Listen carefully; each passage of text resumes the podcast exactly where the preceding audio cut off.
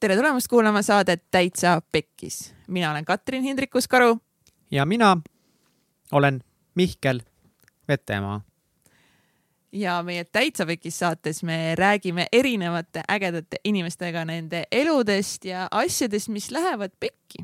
ja miks nad pekki lähevad, kuidas nad pekki lähevad ja siis, kuidas sellest kõigest võitjana päriselt välja tulla tänases saates on meil tüüp, keda mina nimetaks võitjaks ta on oma olemuselt võitja, ta on oma tegudelt võitja ja ta on ka ja. võitja selles, kuhu ta siis lõpuks oma Elu elukestva otsimisega jõudnud on. see mees on Jüri Preobraženski, see on väga raske nimi, mida mulle kirjeldas, kõik teate, mul on sõnadega niigi probleeme, eks ole. siis veel öelda Preobraženski, no. no ja nüüd, kus kekutab oh!, oi, oi, oi, oh. oh okei Kats, sa oskad. Ta on lahe mees sellepärast, et üheksateistaastasena mm, alustas olude kokkulangemisel kinnisvaraäriga. tema õde siis eh, tõi Eestisse ühe väga kuulsa kinnisvarabüroo või aitas sellel Eestil, aitas Eestis käivituda sellel õigemini. Ja see oli kaks tuhat üheksa aasta, kui ta siis alustas oma kinnisvarakarjääri ja kaks tuhat kümme juba võitis ta siis äh, firmas suurima käibega maakleri ja klienditeenindaja tiitli, ehk siis äh, väga sihuke võidule ja tulemustele orienteeritud oli tema teguviis ja, ja eks seda raha ja kõik see motiveeris väga. kaks tuhat üksteist lõi ta kinnisvaramaaklerite koostööfoorumi. eesmärk oligi töö kvaliteedi parandamine. kaks tuhat kaksteist see mees esines juba Äripäeva müügijuhtimise aasta konverentsil ta oli Äripäeva müügivõistluse parim müük kaks tuhat kaksteist žürii liige. eks ta saavutas väga, ta kokku töötas seitse aastat kinnisvaramaastikul ja saavutas väga kiiresti väga palju väga raske tööga. jah. aga tema kinnisvarakarjäär lõppes äh, küllaltki nagu raskelt talle esimesel korral mm. -hmm. ja siis, mis ta siis tegi? siis äh, ta mõtles, et äh mida elul veel pakkuda on või kas see on kõik, mis ta on nagu tahtnud ja ta mõtles, et ta tahab ära proovida selle, et eh, milleks oodata pensionit nagu kuuekümne seitsmenda eluaastani, et eh, prooviks nagu kohe pensionile minna. ja siis ta läks eh, Vegasesse elama ja see, kuidas see Vegas elu läks, see oli väga ootamatu, mida ta sellest tegelikult rääkis, ma üldse ei arvanud, et Vegas selline võiks olla. Mm. -hmm. ja, ja jällegi nagu ma ütlesin, mees on võitja oma hingelt või saavutaja, ta tahtis midagi teha ja ta proovis hoopiski järgida ühte oma kirge, milleks oli muusika. Ja ta hakkas muusikaga siis nagu tugevamalt tegelema kaks tuhat kuusteist. Ja lõpuks ta suutiski olla siis hip-hop produtsent, Laika Rockstar, Candy Drive DJ duo asutas ta, tema enda DJ nimi oli DJ Quitro ja nad tegid veel sihukest ürituste sarja nagu Trapment ka, et jällegi lühikese ajaga suutis tegelikult ikkagi noh, väga minimaalse taustaga endale kogu selle valdkonna selgeks teha ja läbi siis jällegi raske töö seal saavutada, kuid ka see ei olnud tegelikult see, mida ta otsida tahtis, mida ta saavutada tahtis, mida ta teha tahtis. jah, et taaskord jõudis see oma eluga sinna kohta, et kuhu edasi nagu, mida edasi teha. ja siis äh, ta läbis ühe praktika. nimetame seda praegu praktikas, praktikaks, mis aitas tal äh, oma elus siis äh, negatiivsusest lahti saada ja oma hirme ületada. ja tänu siis sellele praktikale tema elu sai uue suuna. mis praktika see on, siis seda kuulete saate teises pooles. see on üks praktika, mida meie tahaksime ära katsetada, see on päris lahe, sest tõesti, ta on terve elu otsinud midagi ja see aitas tal siis lõpuks leida selle. nii et äh, kui see oli äge saade teile, kuulake, follow ge meid mingi Instas, like'id, mis need kõik põhitaksid on, eks ole põhitaksid. mis põhitaks on, ma loodan, et teil on checklist nagu ikka, et no nii, Insta follow mingi.... ja selles mõttes, et raha me ei võta selle podcast'i kuulamise eest, et äh, tasu selle eest on share Instas, kerged like'id. veel ei võta raha ära hirmuta nüüd. kallis kuulaja, kui sa kuulad meid esimest korda, siis eh, tead, sa oled väga oodatud ja me sellest eh, raha ei küsi. aga ja jaga jaga, kui sulle see episood eh, meeldib ja see inspireeris sind tegutsema ja julgustas tegutsema.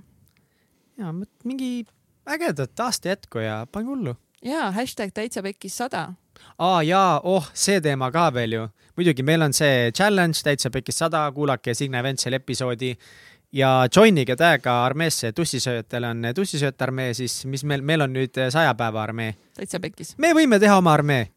võime teha, praegu just tegin. sada, sada inimest mahub armeesse ülihea armee kõik võidame ära, sada inimest on mega palju, aga. ja saate lõpus me ka rääkisime, kuidas meil siis, mainisime, et kuidas meil oma challenge itega läheb. ja kuidas meil läheb ja kuidas Jüri on siis eh, veel leidnud erinevaid viise, kuidas äh, kuidas edukaks saada ja mis siis üldse defineerib edu. nii et head, head kuulamist, kuulamist.. ja tere tulemast stuudiosse, Jüri uh!. tere, tere. tšau.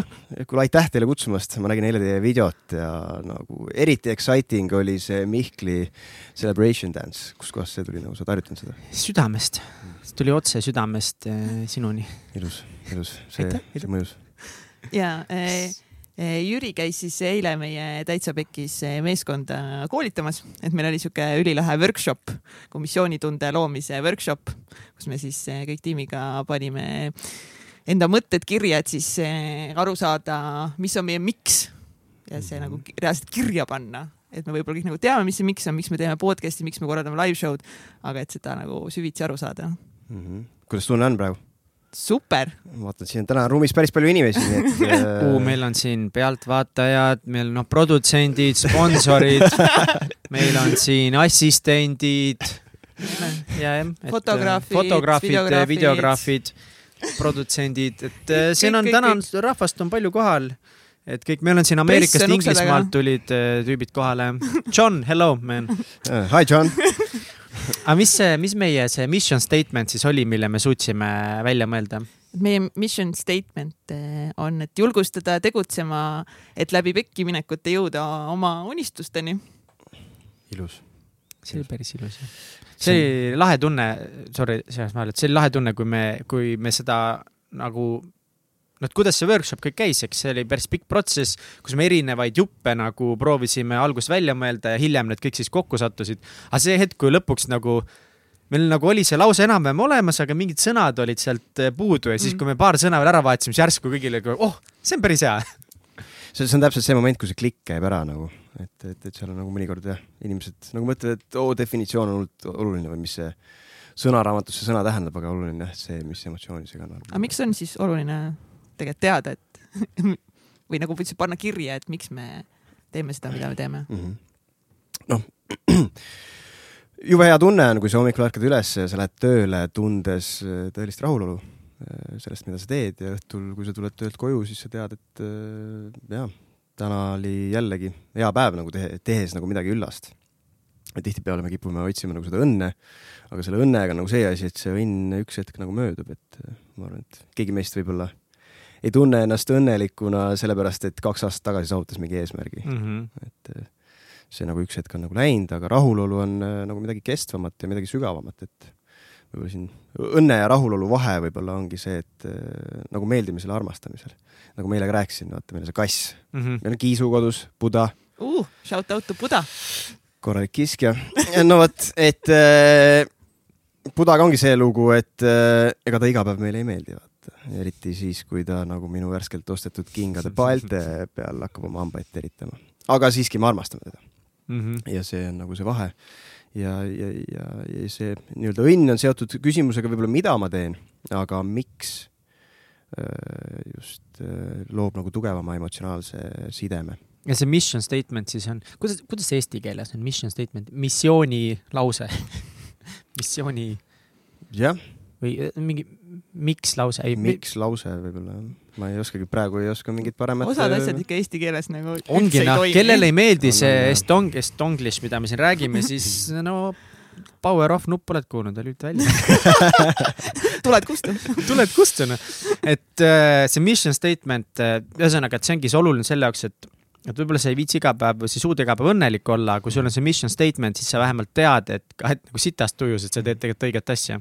ja noh, oluline on see, et see ei ole niisama mingisugune turundusslogan, et oo, see lihtsalt kõlab hästi seda on äge inimestele promoda vaid et see oleks päriselt ka sinu endal nagu mingisugune emotsionaalne side, sellepärast me alustasime nagu story'de rääkimisest, vaata, sest emotsioon tekib mingisugusest sündmusest, mida sa oled oma elu jooksul kogenud mm. -hmm. ja, ja... ja see meie lause, see tuligi kokku niimoodi, et, et need erinevad osad sellest tegelikult need kõik need erinevad sõnad siin tulid mingitest teatud lugudest, mida me sellel äh, workshop'il ja üksteisele mm -hmm. rääkisime ja sealt panime mingid märksõnad püsti. ma alguses ei teadnudki, et mis nagu nendest sõnadest saab ja siis hiljem me saime aru, et ahaa, et nendest sõnadest või märksõnadest, neid oli palju rohkem, et nendest tuleb kokku midagi mm. -hmm. et see oli päris lahe aga nüüd sa oled äh, äge koolitaja, alustad täitsa ise oma uue koolitusbusiness'iga, aga kust sinu üldse elu alguse sai? Elu alguse sai tuhat üheksasada üheksakümmend äh, Sakala haiglas no,. Sakala tänava haiglas, ma sain mõned aastad tagasi teada, et ma sündisin hoopis seal, sest ma arvasin, et ma sündisin Pelgulinnas, aga näed, kunagi oli Sakalas ka haigla. ma sündisin Võrus. ah, palju õnne. super tubli Mihkel, tubli Võru poiss, aitäh, aitäh. Äh, Tallinna poiss, äh, Pirital üles kasvanud. ja kust nagu elu elamine alguse sai ma arvan, et täna võib-olla millest juttu teha on jah, need valusamad õppetunnid nagu. et võib-olla noh, üles kasvades äh, kõige suurem väljakutse minu jaoks oli kool. kool? käisin Tallinna Prantsuse Lütseumis uh.. Äh, noh, vanemad, kelle lapsed on seal koolis, teavad, et ega seal nagu ei ole seda nalja, et sa tuled koju ja siis tšillid, lähed õue mängima kohe mm. -hmm. sest et seal äh, nagu, no vähemalt tol ajal oli kodutööd korralikult ja nagu koolidirektor Lauri Leis alati ütles, meil on õppimiskala kogu aeg uh.. oli raske äh,? kooliülesanded, kodutöö oli raske? ja, ja et nagu eriti algklassides oli hästi palju seda, et tuled koolist koju, õpid ja lähed magama, sest väga palju rohkem aega nagu ei olegi mm. -hmm. see tundub e nagu nii karm, lapsed peavad nii palju õppima, mängima saame ka ikka.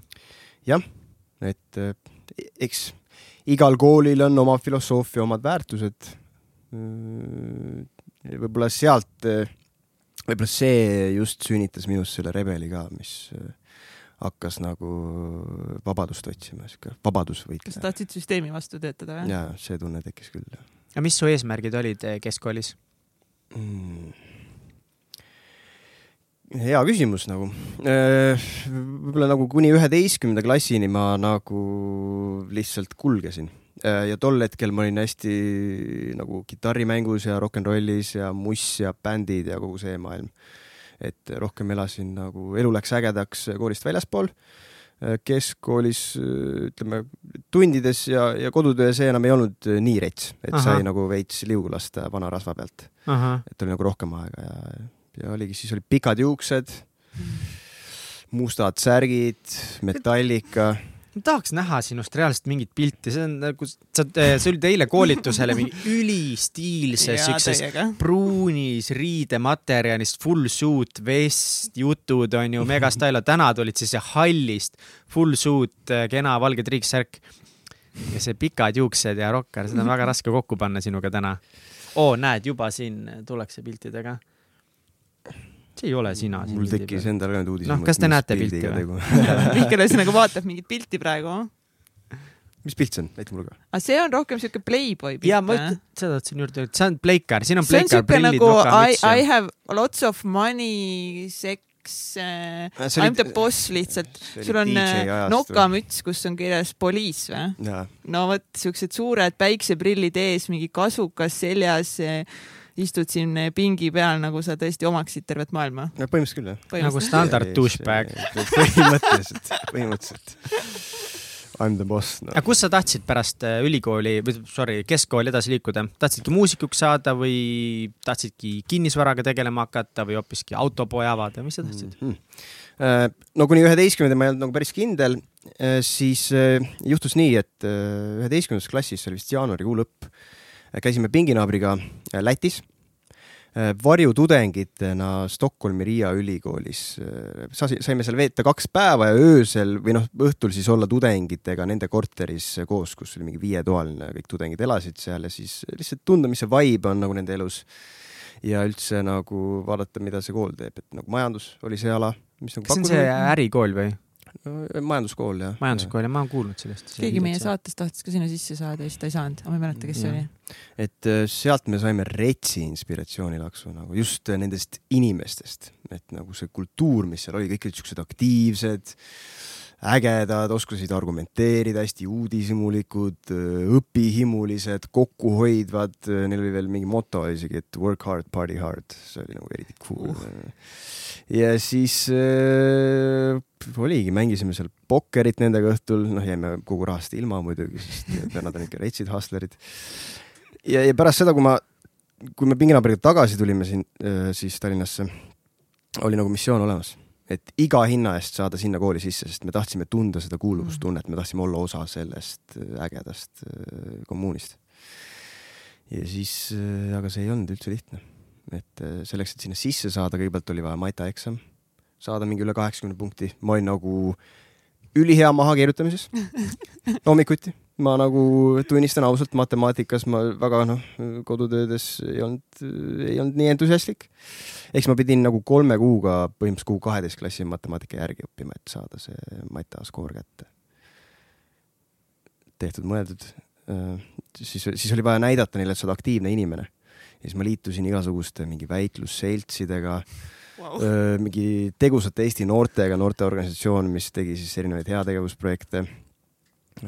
siis, siis oli veel kohapeal pidi katseid tegema, loogikaeksam, inglise keele eksam mingi kirjand, sealt praagiti nagu sadadest mingi pool seltskonda välja. ja siis oli lõppetapp, mis oli minu jaoks kõige hirmsam, oli intervjuu juhatusega seal nagu seal oli ka see, et oh my god, mida ma räägin, vaata küsisin mingilt vennalt nõu, kes seal õppis, ütles, et no ole aus, ole aus mm. -hmm. Ja siis käisime seal intervjuul ära ja siis oligi sihuke mingi kuu aega nagu ärevat ootamist, vaata, mis saab no.. aga mis seal intervjuul küsiti? oli siis tegelikult ka hirmus või tegelikult olid nad sõbralikud, olid nad kurjad, ründavad? Nad olid chill'id nagu ja mida nad küsisid? nüüd on, sellest on juba üksjagu aega möödas, mingisugune üksteist aastat onju mm. Küsisid nagu, miks sa siia kooli sisse tahad sihuke suht standard nagu. standard Mm. mingi töövestlus, vaata. see et kas su vanematel ikka raha on, et maksta selle asja ah. väga hea küsimus, see, ma õppisin reklaami, ma ei lõpetanud seda, aga äh, Tallinna Ülikoolis reklaami sisseastumiskatsetel olid ka vestlused, seal oli, üks nendest oli see, issand, noh, Linnar jah Priimägi., Linnar Priimägi, ei saanud nüüd öelda. Linnar Priimägi oli ka seal ja siis see oli suht scary, sest äh, tahtsin ka sinna sisse saada, mul väga mingi konkreetset ei olnud, see tundus lihtsalt mingi lahe asi, mida teha, mingi reklaam tundub cool. mm. -hmm. ja siis ma mäletan ka, et me olime seal koridoris kõik järjest hakkasid tüdrukud nagu lihtsalt nuttes sealt välja tulema Oh ja ma nagu iga tüdruk, kes tuli jälle sealt väga pettunud, pisarates näoga välja, see muutus mind iga kord järjest närvilisemaks, mis seal siis toimub nagu, mis värk on, tüdrukud tulevad kõik nuttes välja sealt nagu ja kõik ütlevad mingi ah, sitapead ja mingi ah, vastikud. ja siis, kui ma sinna läksin, no mul oli mingi ka enam viisakad triiksärk, pintsak peal, Linnar Priimägi oli nii sõbralik, ei tea küll, miks. ei tea, miks. Ei tea. ja, ja siis see oli nii kummaline, et ta oli nagu hästi sõbralik. Just sinuga? ja, ja küsis mingi, noh, küsisid ka umbes, et miks sa tahad esiteks siia, et siis ja mingi küsimus oli, et eh, nimeta mingi lahe reklaam, mis sulle meeldib. ja mul tuli esimese asjana tuli pähe see Carlsbergi või, või Heinekeni, mis iganes rohelise pudeliga õlle reklaam see oli, kus on mingi kodu siis naised eh, teevad eh, riidekapi lahti, noh, see majaomanik näitab oma riidekappi, siin kingasid täis. Naised kõik karjuvad, oh my god, sul on nii palju kingasid, kiljuvad, mingi kingad, kleidid, kõik. ja samal ajal järsku tuleb röökimine köögist, mees tegi külmkapp uksed lahti, kõik oli õllet täis. röögivad mehed. Ja siis ma rääkisin, et oh, et see oli nii nagu lahe reklaam, mulle jäi meelde. ja siis nagu null koma viie sekundiga selle Priime emotsioon muutus, järk hakkas röökima, karjuma mingit eestlased on mingi matsid rahvad su meelest või sa oled mingi vastik joodik ja mingid oh my god. no lihtsalt tulistas, aga ma kuidagi nagu, see oli nii ootamatu, et ta nagu hakkas rääkima mingi mats joo-, joomise rahvast, kui ma tean, et ta on ise mingi alkohoolik. siis ma nagu kuidagi noh, see õnneks tol hetkel ei kõigutanud meid, ma kuidagi nagu pigem hakkasin natukese naerma, sest see oli lihtsalt noh, see tuli nii järsku.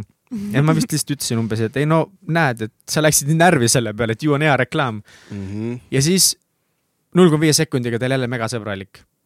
aga noh, noh hiljem ma sain aru, et ta panigi selle inimese umbes proovile oma mis iganes meetoditega, aga see oli, ma sain sisse, näed. ja, ja ma mäletan seda reklaami, see isegi minus tekitas siukse emotsiooni, et see on, kui sa sellest praegu räägid, siis mulle tuleb see meelde küll, see pilt. Aga kuidas sul siis äh, läks? ootasid kuu aega, olid närvis ka, sest sa olid päris palju ikkagi lõpuks vaeva näinud selle Oi. nimel. nojah, ega see ongi see küsimus, et davai, et mis nüüd elust edasi saab, sest ega mul tol hetkel nagu mõtlesin, et eh, kas see või nagu mitte midagi. et. Plaan nagu, B-d ei olnud? no jaa, ei, mul nagu mind ei intrigeerinud nagu mingid teised ülikoolid, ainult see, sest see, seal oli see kommuun, seal oli see mingisugune spirit, noh. Ja siis äh, suvel äh, tuli siis vastus see ongi see moment, kui lippad ruttu arvutisse, vaata mingi meil on tulnud, logid kuhugi sisse. ja siis äh, sain oma suureks pettumuseks teada, et mind ei võetud vastu sinna. pinginaabrit ka mitte. et äh, see oli veits nagu enesekindlust laastav. aga tol hetkel päästis mind üks inimene välja, kes äh, on siis minu õde, Leanika ta just äh, tol ajal oli siis turul lansseerimas Remaxi kinnisvarabrändi, et tema oli see inimene, kes Remaxi Eestisse tõi. aastal kaks tuhat seitse siis avas esimese kontori frantsiisilepinguga.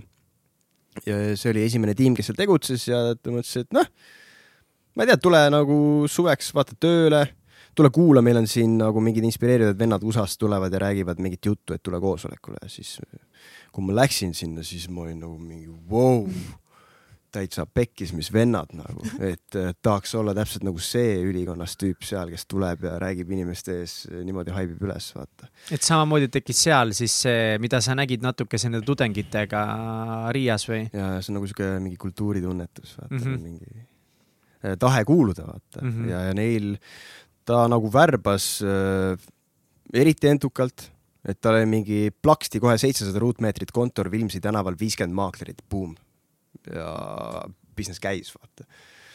et eh, siis eh, oligi see, et no okei okay,, ma olen üheksateist aastat vana, mul on nüüd variant, et eh, ma ei saanud sinna Riia ülikooli sisse, kas ma siis lähen kuhugi Tartusse, lähen õppima midagi muud või skip in kogu selle asja ja olen nagu kavalam, kavalam kui teised vennad ja siis eh, nagu kui nad ülikoolist kolme aasta pärast välja saavad, äkki ma olen siis juba kuhugi jõudnud nagu. tol hetkel käis see mõte nagu need vennad, keda sa nägid seal jah, need, kes USA-st tulid jah? Äh, ja, ja kusjuures äh, sel momendil, see oli sama nädal, kui ma sain teada, et mind last-, mind ei võetud vastu, tuli inimene, kes oli selle ülikooli lõpetanud mu õe juurde töövestlusele, teda ei võetud tööle.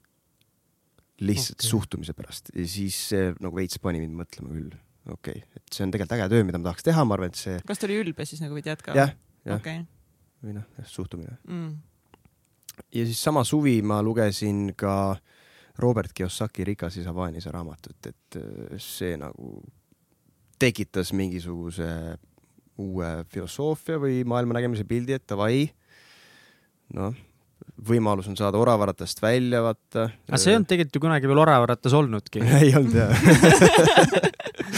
tahtsin juba välja saada, vaata, kuidagi.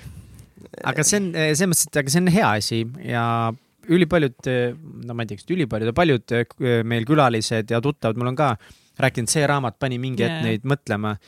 mind ennast see raamat tol hetkel ei pannud mõtlema, sest ma olin juba kuskilt mujalt saanud seda infot päris palju, mitte Mhm. teiste raamatute, teiste inimeste kaudu, aga ma ka lugesin seda ja tõesti, see oli päris ähm, hea raamat ja ja tol hetkel ma küll mõtlesin, et kurat, et oleks ma seda ka nagu üheksateistaastasena lugenud, et ma oleks Mm. võib-olla teinud väga palju paremaid valikuid. mm..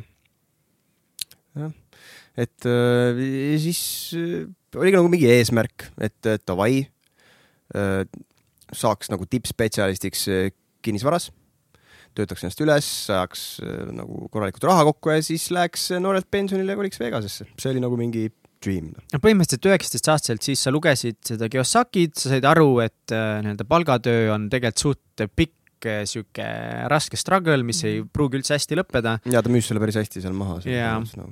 Ja kinnisvara on see, mis pakub sulle, kui sa hästi teed seda, väga palju raha lühikese ajaga. kas see raha oli nagu suuresti peamine motivaator sinu jaoks? pigem äh, raha oli üks oluline motivaator ka, sest äh, noh, ma nägin seda kui vahendit, et jõuda nii-öelda siis äh, free lifestyle'ini, tee mis tahad, vaata. aga kindlasti motiveeris ka kuidagi tahe saada tippspetsialistiks või nagu eneserealiseerimine ja, ja, ja. saada milleski väga heaks. jah, jah, ja just õppimine ja kogu see protsess, et davai, noh, õppida hästi kliente close ima, kliente teenindama ja kogu see asi, see tundus hästi äge ja need äh, Ameerikast tulevad koolitused ja kogu see asi oli hästi inspireeriv ja väljakutseid oli korralikult ja meil oli päris äge müügijuht ka tol ajal, kes mind inspireeris no,. sa sealt... ütlesid kohe jah seal või käisid koolitusel, ütlesid davai, et õde, kas ma saan tulla tiimi või kuidas see käis äh,, kuidas see algus oli äh,? kuna mul oli paralleelselt käimas just see ülikooli kandideerimise protsess, mõtlesin, et see on jälle üks viis, et näidata ennast aktiivsemana. seal oli nagu ma vaatasin su seda mingit CV-d ja mida sa siis teinud oled, kui active vend sa oled nagu. ja siis äh, mõtlesin, et davai, et ma saan nagu mingi paar kuud võib-olla Remaxi kogemust ka sinna kirja, et ja siis noh, kuulaks neid ägedaid esinejaid ja õpiks ja vaataks, mis üldse saab ja siis, kui ma sain teada, et ma ei saanud sisse, siis et no ja mis siis ikka, et uh, double down on real estate nagu proovime siis seda nagu. ja sealt hakkas pihta teekond, mis kestis seitse aastat. päris pikalt mm no noore inimese kohta kohe, aga mm kuidas see algas, kas äh, kõigepealt koolitati, kas sa mäletad nagu oma esimesi kuid kinnisvaramaaklerina, esimesi mingeid müügikõnesid, kohtumisi? No ikka, kuidas saaksid unustada, vaata. ma mäletan oma esimest nii-öelda ametlikku tööpäeva, see oli esimene juuni kaks tuhat üheksa. mäletan, õde viis mind veel Lauri Pedaja juurde juuksurisse, vaata tehti soeng korda, roosa triiksärk, roosa lips, ülikond kohe fotograafi juurde, pildid, värgid, kolm päeva koolitust ja siis mine ja, aga see oli retsilt raske. olid närvis äh,? mäletan, et kui ma pidin, ma isegi mäletan seda esimest kliendikõne mm, -hmm. et äh, see oli nagu sihuke, et davai, et uh, ma pean kohe helistama, et enne tahaks joosta kolm ringi ümber maja, teha veits kätekõverdusi, ette valmistada, lugeda paar raamatut läbi ja siis teha selle ühe kõne ära igasuguseid viivitavaid. ja, ja, ja täpselt aga noh, lõppkokkuvõttes aitab ikkagi tegutsemine onju. ja siis äh, tegin selle kõne ära mingile kliendile, ma mäletan, et äh, ta isegi kõnes hästi se mingi segases äh, eesti keeles rääkis, ta oli vist vene päritolu. ja, üks äh, kuskilt kõlas nagu läbi selline lause, et, et jah, et ma vist kohe suren maha nagu täitsa peks, esimene klient, kellele ma helistan, juba sureb maha nii halb mees ma ikka ei ole ju ei tea, siis me käisime äh, koos minu müügijuhiga siis seda objekti koha peal vaatamas, see oli Hõbekuuse tänaval äh, Pirital. Äh, aga jah, see müügijuht oli meil äge vend, ta oli põhimõtteliselt UK-st pärit, kuusteist aastat ehitanud üles kinnisvarabüroosid seal, Mr Brian Block, sihuke lipsuga vend ja tema hästi old school müügijuhtimise stiil, noh, sealt sain mina veits oma stiili ka, mida ma hiljem siis, kui minust sai müügijuht, nagu rakendasin. et ma mäletan, meil olid kolmapäeva õhtud, kus äh, kogu tiim tuli kella kuuest õhtul kokku, telliti pitsad, õlled, kontakt.ee tehti lahti ja siis hakati paugutama külmi kõnesid lihtsalt tänavate kaupa suvalistele inimestele, et küsida, et oi joo, kuule, kas sa tead kedagi, kes müüks kinnisvara? okei okay nagu koos kõik siis tegite neid kõnesid? ja, ja siis mingi tahvel ja muss ja mm -hmm. pandi punkte ja noh. müügis on... see on nii oluline seda asja kollektiivselt teha, et kui sa nagu käid kuskil koolitusel, oled täis inspireeritud uh,, hull power'it täis ja nüüd sa pead minema kuskile pimedusse nurka üksi, võtma Jep. need külmad kontaktid ette mm, -hmm. vaatama otsa nendele, hakkama seda numbrit valima, siis sa tunned, see inspiratsioon kaob nagu sada kilomeetrit tunnis ja su keha. hirm lihtsalt kasvab nii suureks. hirm ja, tuleb peale, jah. et seal on, äh, ongi, kui sa istud nagu mingis suures saalis, kus on äh, nagu mingi viisteist ülejäänud venda ja siis no see on nagu mingi hiirvaiklus, vaata kõik klõbistavad ja siis sa pead võtma telefoni kätte ja nüüd tegema selle külma kõne, vaata üsna raske on, palju parem on helistada, kui kõik juba räägivad ja sihuke energia on õhus, vaata nagu sihuke Wolf of mm. Wall Street, vaata mm. -hmm. et sellepärast ma arvan, et äh, nagu müügijuhtidele gamification, mängulisus, tehke võistluseid, haipige üles energia ja pange inimesed mingi sihuke äh, kontsentreeritud kaks tundi kasvõi, et nüüd kaks tundi me teeme müügivõistluse, noh, me Marmelis tegime ka, Rolling Stones läks peale bossid, nende ülesanne oli hoida kõigi pokaalid Lambruskoga täidetuna ja siis äh, minul oli veel ruupor, kuhu ma kuradi karjusin oh. God, see tundub tõesti nagu Wolf of Wall Streeti film, nagu mul tekib kohe pilt. no meil, me nagu reaalselt viisime selle visiooni ellu, ma mäletan, et meil üks juhatus isegi pisar tuli, vaata, see oli nagu kauaaegne. see on it's all about energy, kuidas see eesti keeles näiteks öeldakse, et see energia, ükskõik mida, mida te teete, see mm. energia loob kõige rohkem ja müügis on seda energiat tohutult vaja, et teod juhtuksid ja siis on vaja teha, mida iganes on vaja teha. täpselt räägi natukese veel just nendest algustest aegadest, oma esimesest aastast võib-olla, et kui, kui raske siis sulle oli, et no mina ja Kats, me oleme ka mõlemad müüki teinud ja mina ei saanudki lõpuks väga sellest mm -hmm. külmade kõnede hirmust äh, üle. Mm. ja No can do. et, et mis olid nagu, kui palju sa kartsid, kui palju oli nagu raske ja, ja kuidas sa õppisid mm? -hmm. No kõige raskem, üldse nagu kaks tuhat üheksa aastal, kui ma alustasin kinnisvaras, siis võib-olla osad inimesed mäletavad, oli päris keerukas aeg majanduslikult üleüldse, sest oh, buum oli lõppenud ja kaks tuhat üheksa suvi, täpselt siis, kui mina alustasin, oli täielik põhi, see oli nagu siis, kui hinnad jõudsid põhja. Ja müüjatel oli probleem. Nad olid kahe tuhande seitsmendal aastal võtnud kõrged pangalaenud ja reaalse hinnaga midagi müüki võtta oli üliraske, sest noh, su pangalaenu jääk oli kõrgem kui reaalselt vara väärtus. ja mis tähendas seda, et tol ajal, kui meil kontoris keegi tehingu tegi, oli suur pidu. Mäletan, meil oli isegi üks punane diivan, äh, kuhu iga kord lasti šampust peale nagu, et äh, moel on see siiamaani alles. Aga see tegi hästi raskeks, siis noh, kinnisvaramaaklerite kõige suurem väljakutse on klientide objektide leidmine et kui osad mõtlevad, et noh, et see korterite müük on raske, ei, see on jumala lebo, saad õige hinnaga müüki, ostja tuleb, ostab ära, vaata, teed õige turunduse peale. aga raske osa on see, et kus sa leiad kliente kuidas sa need kliendid ära räägid, noh, meie tol ajal pidime close ima päris karmide lepingutega ka, ainuesindusleping, teiste maakleritega ei müü, ainult meiega. me olime kõige kõrgema tasuga maaklerid linnas ja siis me küsisime veel lepingutasu ka kliendilt, et kohe maksa veits ette ka, kui meiega müüma hakkad. aga me tegime ka head turundust, meil oli ülikõva profifotograaf Sven Soome Äh, ja, ja, ja hakkasime müüma ja tihtipeale müüsime ka tänu sellele ka kõrgema hinnaga ära asju. no samas see tundub ikkagi, et kõik kaardid on sinu vastu mängitud mõnes ja. mõttes, et okei okay,, võib-olla kõik kaardid mitte, aga sa oled noor, sa oled alustav mm, -hmm. sul ei ole kogemusi, teadmisi veel ja mm -hmm. siis kõik see olukord, mida sa kirjeldasid, et kuidas see mõjutas sind, kuidas sa hakkama said sellega? Ma arvan, et see kasvatas mind täiega et kui ma seal keskkonnas ei oleks hakkama saanud, siis ma ei teagi, mis täna toimuks, et ega ma olen siin oma inimestele ka rääkinud, et kinnisvaras on nii, et esimese aasta jooksul ma arvan et, et üheksakümmend protsenti maakleritest kvitib. järgneva kahe aasta jooksul sama teema, et kui sa kaks aastat juba üle elad mm,. Siis... aga miks sa ei kvittinud siis esimese aastaga, kui üheksakümmend protsenti ära kvitib? no esiteks minu õde support'is mind, meie müügijuht oli ilgelt äge vend ja siis äh, kuidagi oli tahe nagu, oli tahe ise areneda ja õppida ja nagu rasketel hetkedel minu meelest, äh, mis hoiab sind, on sinu tiim. et meil tol hetkel olid inimesed, kellel oli nagu sama maailmavaade ja kuidagi üksteist nagu inspireerisime. jälle jõuame sinna, meeskond. Mhm. aga kas, mhm. kuidas sa vaimselt või emotsionaalselt tegelesid, äh, üldse ei pea nagu väga pikast rohkem rääkima, aga et kuidas sa said nende eidega hakkama, sest see mhm. eide saamine on ikka nii vastik või sa, sa mõtled nagu, et sa saad, sa saad äh, nagu peas aru, et see ei ole ei sinu pihta tegelikult, aga no, ikkagi nagu on ka mm. -hmm. no ega siiamaani ei ole meeldiv kuulda ei-d, et see on nagu mingisugune asi, äh, millest sa pead nagu hambad ristis läbi suruma minu meelest, et äh, ja seal oli noh, muidugi üks hetk läks nagu lihtsamaks. Et kui sa said selle lumepalli juba veerema, siis hakkas juba soovitusi tulema.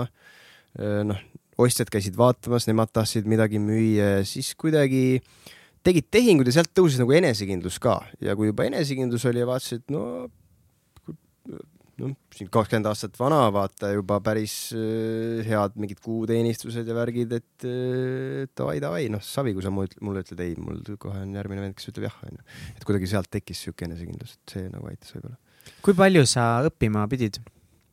nagu selles mõttes, et kui palju sa metoodilist mingeid asju õppisid, lugesid raamatuid või käisid mingitel koolitustel mm -hmm. kogu oma selle kinnisvarakarjääri jooksul? kui palju? no kogu aeg järjepidevalt. aga see oli ka see, mis mind motiveeris mm.. et, et mulle nagu õppimine on mind drive inud kogu elu. kuidagi tahe, tahe areneda ja omandada uusi oskusi ja sellepärast noh, Remaxil see oli nagu neil välismaa konverentsid ja siis Remax University, kus sa said minna online'i ja kuulata sealt äh, erinevaid spiikereid. Shout out to Remaks täiega, et kus meie need sponsorrahad siis ka Teil rahhi on, et ma praegu siin lõhnab, et mingi uus stuudio tuleb meile, et kinnisvara peaks olema. ja, jah. Kas sa selle seitsme aasta jooksul mõtlesid, mõtlesid nagu vahepeal ka, et eh, kutiks ära selle värgi, et aitab sellest kinnisvarast? ja ikka muidugi, ikka. mis hetkedel, räägi nendest rasketest aegadest mm.? võib-olla minu jaoks äh, see raskus nagu tekib siis, kui ma näen üks hetk seda kohta, et äh, davai, et on juba tehtud, vaata nagu mingeid asju tahtsid saavutada, see on nagu kätte saadud, onju. noh, liiga palju võib-olla enam edasi õppimise kurv on ka juba läheb üsna nagu nüriks, vaata. et nüüd tahaks teha mingit uut ja ägedat asja, areneda hoopis edasi, et seal oligi see, et noh, noh, pärast, pärast seda, kui ma olin viis aastat maakler olnud, siis oli järgmine moment oli see, et oo, mul tekkis võimalus minna tööle siis noh, tol ajal linna üht Äh, suurimasse kinnisvaraarendusfirmasse müügijuhiks. Ja siis äh, just paelus nagu võimalus õppida kinnisvaraarenduse kohta rohkem, et äh, seal oli ikka see Robert Kiyosaki ja mingi Donald Trumpi raamatud ja see ja kinnisvara arendamine tundus nagu sihuke hea business olevat ja siis tahtsin nagu õppida rohkem selle kohta.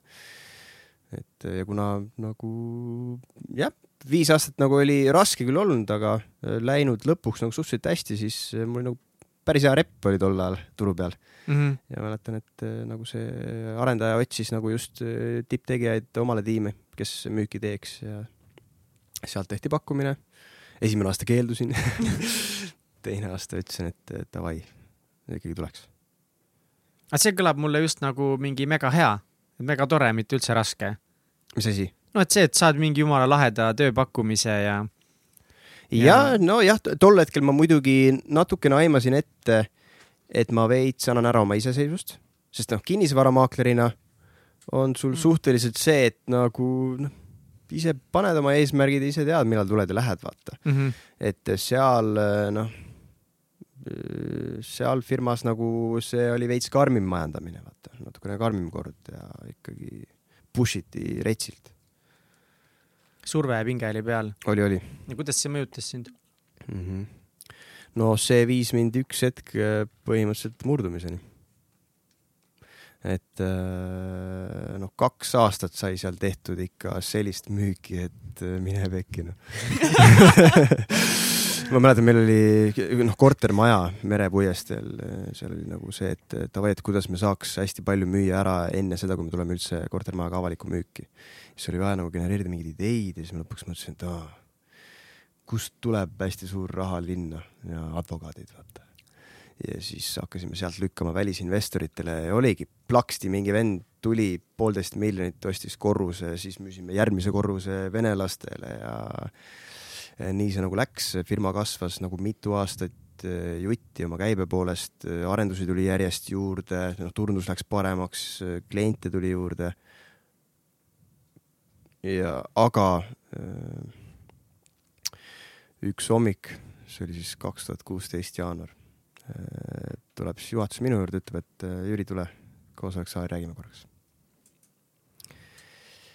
no ma teadsin, et sealt mingit head uudist sealt ilmselt ei tule. aga miks, et enne kui sa sellesse hetkesse lähed, miks sa juba ette teadsid seda, kas sa olid kuidagi halvasti töötanud või sa olid juba tundnud, et sa viimasel ajal ei ole nii motiveeritud või mis oli see, miks sa arvasid juba, et sealt tuleb halb äh,? pigem nagu juhtimise filosoofia. et ja, ja mingid väärtused ja värgid, et ma olin natukene hakanud filosoofia väärtustega juhatusega lahku kasvama nagu maailmavaated. olgu ja, ja seal oli nagu minu jaoks eh, noh, ma hindan vabadust hästi tugevalt ja kui sul on nagu see, et, et klient saadab meili ja siis sul tuleb nagu ülemus, et davai, et sa võiksid talle vastata täpselt nii. siis see hakkab kärpima mm. su tiibasid, vaata, ja, ja inimene, kes tahab õppida, arendada, ise close ida oma stiili järgi, vaata, siis see on nagu demotiveeriv. ja ma olin juba nagu päris palju stressi kogenud ka äh, nende kahe aasta jooksul ja, ja nagu rohkem stressi ja viha täis siis, kui ma nagu alustasin kaks tuhat üheksa, siis mõtlesin, et mul nagu pappi on kõvasti, aga ma olen nagu oluliselt õnnetum vend siis, kui ma alustasin, kui mul ei olnud veel mitte midagi. noor ja entukas, vaata. ja igal juhul äh, kutsuti siis sinna koosolekusaali ja oli see, et, et tead, uuest aastast on nüüd nii, et me siin tegime, väga tubli oled olnud, väga tubli oled olnud, ettevõte on kasvanud ja kurat müük ja värgid, kurat, me oleme koos saavutanud ikka ägedaid asju, vaata, aga et me siin tegime nagu turuanalüüsi ja vaatasime nagu teiste müügijuhtide mingid palgad üle, onju, ja mingid tasud ja värgid, et eh, noh, vaata meil projekte tuleb nagu eh, uuest aastast nii palju peale, et eh, noh, põhimõtteliselt jagaks su palga kahega.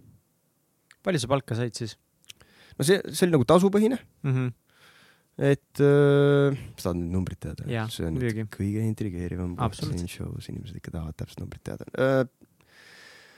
noh, see käib üles-alla, see käive kinnisvaras, vaata, et äh, lõppkokkuvõttes, mis su nagu palk või nagu tasu on, eks sa aasta peale saad selle kokku lüüa, noh, ma arvan, et äh, tol hetkel äh, puhtalt nagu tehingute peal ta võis olla kuskil mingisugune äkki viie tuhande euro ringis, noh, nagu tehingutasudest. viie tuhande euro ringis kuus, keskeltläbi. jah, no see käib üles-alla, vaata. ja ei muidugi, vahepeal Mm. nüüd rohkem-vähem, viis tonni kuus keskmiselt, mis aasta see oli? Uh, vahemik kaks tuhat neliteist kuni kaks tuhat kuusteist. uh,. Oh my god. nii Pole palju raha, nii palju raha. no kinnisvara, vaata. aga ja siis ma sain aru, et no nii, et põhimõtteliselt no ma olin niigi juba pinges selle töö pärast. ma nagu olin oma drive'i juba kaotamas aga. mis seal kõ- kõige rohkem seda kaks aastat stressi tekitas? mis Mm. mm., mis ja pingeid just? no ma nägin, kuidas me nagu noh, turundusosakonnas inimesed olid pinges. hästi push iti, vaata, et alati saab rohkem, alati saab rohkem. ja mul oli nagu jälle nagu mingi õppimise platoo sai nagu kuidagi otsa ja, ja tundus, et nagu tahaks areneda kuhugi edasi, aga nagu veits sihuke vangistuse tunne on, et äh, siit nagu, kuhu ma nüüd edasi lähen siit. et äh, paar aastat oli nagu väga tore, väga fun, noh, eks oli pingelisemaid aegu. peod olid väga ägedad, et selles mõttes ka shout out juhatusele, et nagu pidu panna nad oskasid ja selle koha pealt olid nad nagu väga lahked, et me nagu juhtidega bondisime nagu pidudel rohkem kui koosolekusaalis müügikoosolekutel nagu. see oli nagu fun, aga, aga pärast seda ma sain aru, et okei okay,, põhimõtteliselt ma pean tegema kaks korda rohkem tööd, et sama raha teenida, onju. ja mul niigi oli juba siuke tunne, et tahaks nagu areneda edasi, mingi järgmise sammu astuda ja siis ma ütlesin neile, et no selge pilt, ma ütlen teile kohe ära, et äh, aa, et need siin nüüd on viimased kuud, vaata, ma tõmban otsa kokku. ja siis äh, mul oli üks tehing seal, mida ma olin äh, töötanud mingi poolteist aastat. poolteist Et aastat. close ida.. nojah, seal käib kõigepealt võlaõigusleping, siis ehitatakse maja valmis noh. ja siis läheb asjaõiguslepinguks, onju, üks välisinvestor. suur tehing, elu suurim tehing isegi vist, jah. Ja siis äh, close isin lõpuks selle diili ära, noh, see oli ikka mingi rets protsess, no ajasin nagu selle advokaati taga ja kogu aeg saadad mingeid meile, teed nagu mingid läbi notari mingid ähvardused, kui te nüüd ostma ei tule, siis me taganeme, onju. lõpuks äh, sai tehingu tehtud ja siis, kui nagu arve väljasaatmise aeg oli, siis oli nagu see, et jaa, et äh, juhatus tahab sinuga rääkida.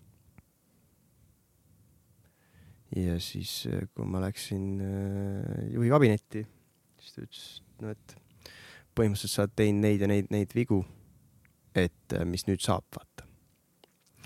aga sel hetkel mul juba emotsioon äh, endal lihtsalt jõudis kuhugi haripunkti ja siis põhimõtteliselt ütlesin talle, et kuule, mine sinnasamusesse.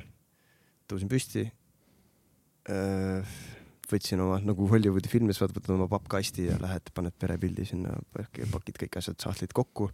inimesed lihtsalt vaatasid, what, mis toimub, miks Jüri ära läheb mis need vead olid, mis te ütlesite, sa olid teinud? äh,. no see on nagu tehinguspetsiifiline, et äh, seal oli nagu, nad tahtsid võib-olla tehingu olukorda lahendada kuidagi teistmoodi, noh. võib-olla seal nagu mingi, ma ei tea, mingi taganeda või mida iganes, vaata, aga noh. Lõpuks mul oli nagu see argument, et aga vaatame siis nagu mingeid müügiosaku protokolle, vaata, et ma nagu mingi omavoliliselt mingeid otsuseid seal tegelikult ju ei teinud, seal hoiti kogu aeg näppu pulsil ja anti juhiseid, vaata noh, minu nagu tol hetkel ma ütlesin, et kurat, see on mingi pastakast välja imetud põhjus, et lihtsalt nagu mitte raha maksta, vaata mm.. mm.. ühesõnaga läksime tülli. sa lähed ära ju, onju. no jaa, ta teadis juba mitu kuud ette Mm. mm., et ma olen nagu out, vaata. ja nagu jah, kas sa ütlesid ka talle mine perse või? ma ei mäleta, võib-olla, võis olla.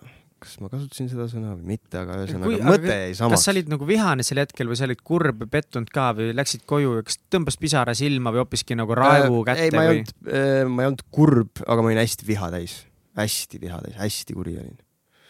see ikka, et ja siis äh, pakkisin põhimõtteliselt asjad äh, kokku ja tulin sealt päevapealt ära ja päris hea tunne oli.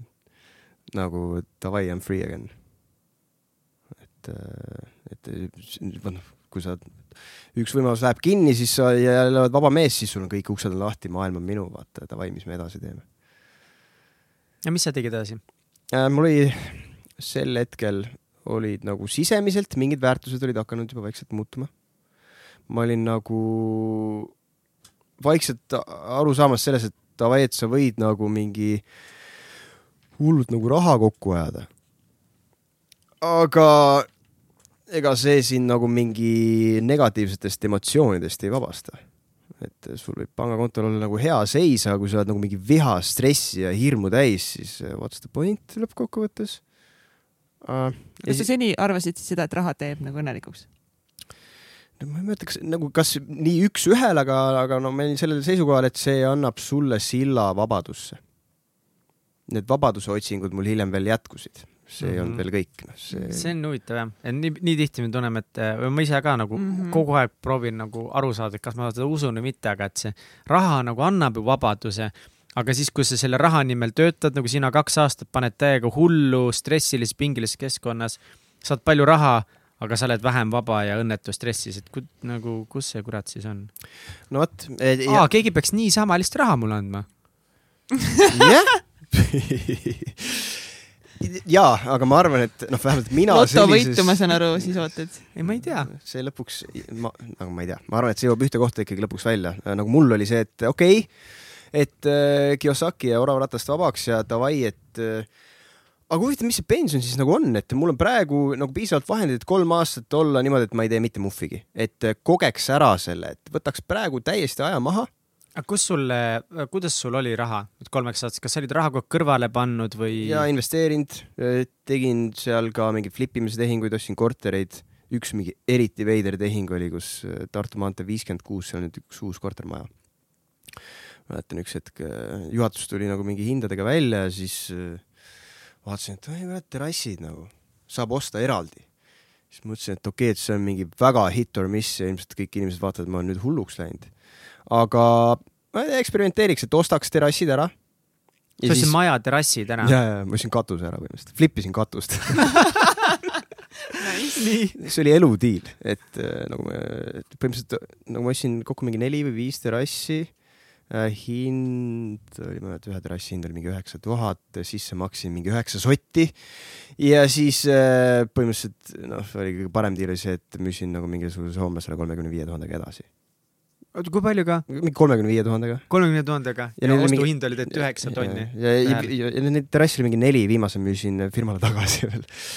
et äh, see oli siuke huvitav, noh, mingeid siukseid flippe tegin ja ostsin, noh, kui sa kinnisvaraarendaja tiimis töötad, siis sul on nagu veits äh, sihuke, seal võid insider äh, treidida, vaata. Ja seal on nagu see võimalus, et äh, sa ostadki nagu mingi võlaõigusliku lepingu korteris otsama hinnaga ära, kaks aastat läheb mööda, maja saab valmis, hinnad on tõusnud ja siis müüd edasi. Mm -hmm. see oli praegu rets. nii et siis sul oli päris hea tõesti finantsiline taust, et nüüd, või taust, seljatagune, et aga palju raha sul umbes oli, mis sa arvad, kõrvale pandud? millegipärast arvasin, et sa seda küsid. no kolme aasta jagu.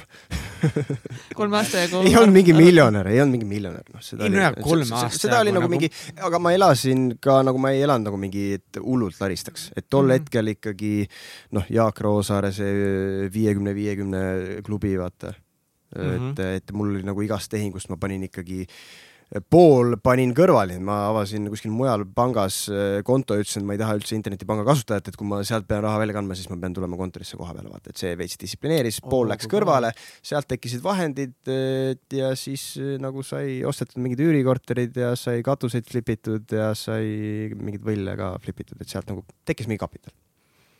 Ja siis oligi see, et noh, et mida edasi, kas ma nüüd hakkan ise kinnisvara arendama, hakkan nagu mingeid suuri projekte vahendama nii-öelda investeerimispankurina või või siis hakkan nagu ikkagi seda investeerimisportfellit koguma, et rahavoogu kasvatada ja nii-öelda seda klassikalist oravatast välja skeemi aretama, aga ma hakkasin endalt küsima, et miks seesama küsimus, millest me rääkisime enne, onju. et miks ma seda üldse teen? et kui see eesmärk on nagu pension, siis nagu ma ei tea, kogeks korraks ära, et enne kui ma saan nagu mingi kuuskümmend et kogeks korra ära, et mis see siis on, mida ma taga ajan. et mille nimel me siis seda raha investeerime, et me paneme raha kõrvale, me mm. investeerime seda, me kogume, me kasvatame, me oleme sellega hästi vastutustundlikud, aga miks me seda teeme, miks sa teed seda, miks ma, miks ma panen raha kõrvale? selle jaoks, et siis ühel päeval oleks kuidagi parem ja. kõige tiibim küsimus üldse, noh, kui sa leiad sellele vastuse, siis one day you will be free. aga ja, ja siis äh, oligi nii tulin siis ära sealt päevapealt ja kuu aega ei teinud mitte muhvigi. aga kas sa panid endale eesmärgi ka, et nüüd ma mingi kuu aega ei tee või nüüd ma aasta aega ei tee või? sel hetkel ei, ei pannud mingeid eesmärke. lihtsalt tundsin, et tead, et vist tahaks ärimaailmast korraks eemalduda täielikult. ja nagu noh, nagu kooli ajal oli nagu muusikaga tegeletud ja mõtlesin, et okei okay,, et ma nagu kinnisvarast sain, saan nagu päris head skill'id ja enesekindluse, et ma vaataks veits, mis muusikamaailmas toimub üleüldse. noh, kõigepealt oli jah see, et nagu kuu aega ma olin kodus ja siis mul tekkis hull depressioon.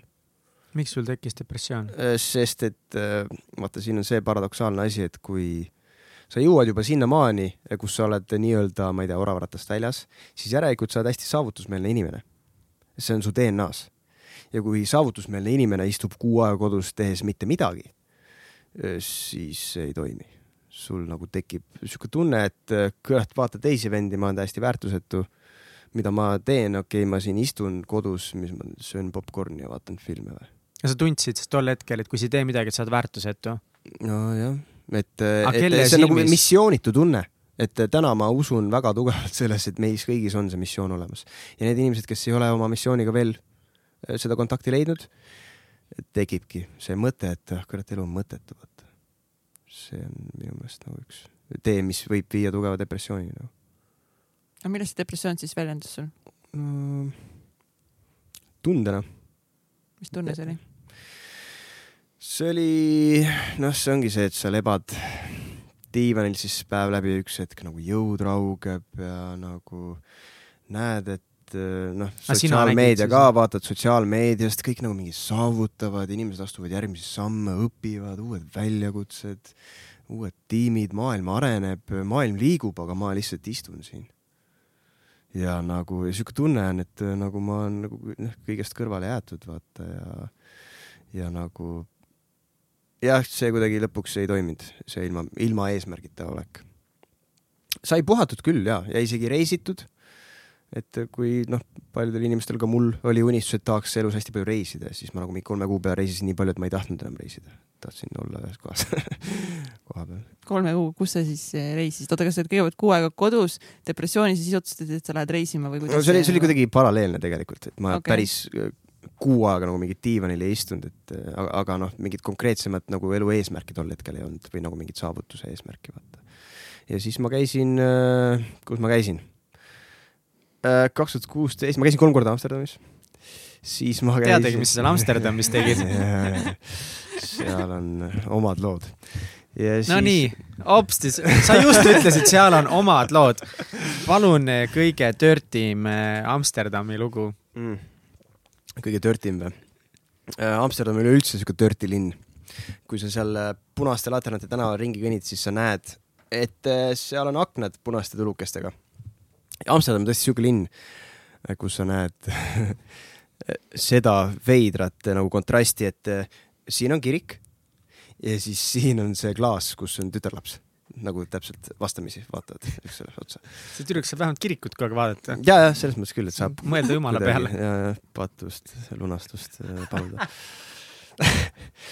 ja siis äh, see oli mingi Pink Elephant või mingi teema oli, kus me tolleaegse elukaaslasega läksime äh, seksi show'le siis. ja see oli huvitav kogemus, et äh, ongi sihuke ringikujuline voodi laval, mis keerleb ja siis erinevad esinejad, artistid, siis käivad seal näitamas oma tugevusi päris põnev ja siis lihtsalt hunnik inimesi joob samal ajal istub kino ja või vaatab. teatrisaal, vaata mm. -hmm.. sihuke nagu, kas nagu vaatad live-pornot? vibe oli sihuke nagu läheks Salme kultuurikeskusesse. sihuke oli see sisustus enam-vähem. et eh, see oli nagu meeldejääv. siis vaatasite nagu seda show'd, et te nagu ise ei osalenud kuskil seal või? ei, kuigi seal kutsuti rahvast lavale küll ja oligi lõpus oli see, et et tulge, tulge! Ja siis ma mäletan, et seal oli mingi, mingi tütarlapsed tulid ja siis üks jaapanlanna oli seal. ja siis üks artist, naisterahvas võttis siis banaani. Ja siis pani selle banaani omale ühte kohta. Ja siis oli nagu rida, mingi viiene rida pealtvaatajaid, igaüks pidi hammustama tüki sellest banaanist. Ja ma mäletan, seal oli üks jaapanlanna, kes sai viimase ampsu. see viib päris crazy. see oli, see oli Amsterdam nagu, aga siis äh, kruiisitud sai Vahemerel. Vahemeri mulle hullult nagu meeldib. ja siis, kus veel? Sunny Beach, Bulgaaria, mingid erinevad kohad, aga üks hetk oligi nagu see, et ah, ei jaksa enam reisida. oota, sa olid suhtes siis samal ajal, ma saan aru? okei okay.. Aga kuidas siis, kuidas su tollane elukaaslane siis suhtus kõigesse sellesse, et kas oli pigem jaa, mingi davai, reisime, pidu Amsterdamid? jah, selle koha pealt me nagu jagasime temaga ühte väärtust, et explore ime maailma ja vabadus ja ongi, paneme pidu ja rock n roll. no seda tõesti vist ei jõua liiga palju teha, et see on nagu nii tihti see tundub sihuke täiega dream lihtsalt, et see on see Mhm. unistus, et mul on raha, ma lähen lihtsalt sõidan mm Mhm. -hmm. ja tripin ringi. Ja et see on seesama asi, kui paljud meil, kes on saates käinud, kes on võib-olla päris jõukad ja edukad mm -hmm. juba, siis tulevad seda juttu ajama, et ai, raha ei ole nagu üldse enam oluline, et see teine Porsche ei tee sind õnnelikuks, aga noh, tahaks seda esimestki. tahaksid esimest, eks ole. No aga ikka lõpuks isegi need Porsche'd, isegi see maja ja kõik need reisid, et see, see ei saa siis tõesti olla ainuke asi, mille nimel siis elada. sest sa harjud ära sellega, vaata. et. Ülinõme tegelikult. see on nagu see, heade asjadega harjub nii kiiresti ära. see on no, täpselt noh, näiteks sul, ma vaatan, seal on iPhone onju, noh sel hetkel, kui ostsid, oli päris hea tunne, vaata mm. -hmm. uus iPhone, uued võimalused, parem ekraan, parem äh, foto onju.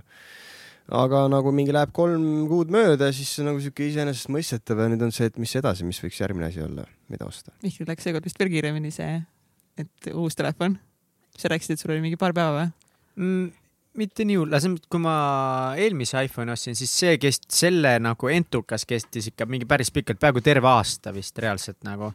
ja nüüd selle uue iPhone'iga siis äh, nagu nii suur entukas läks jah paari päevaga läbi, aga hea meel on ikka veel. mm. -hmm.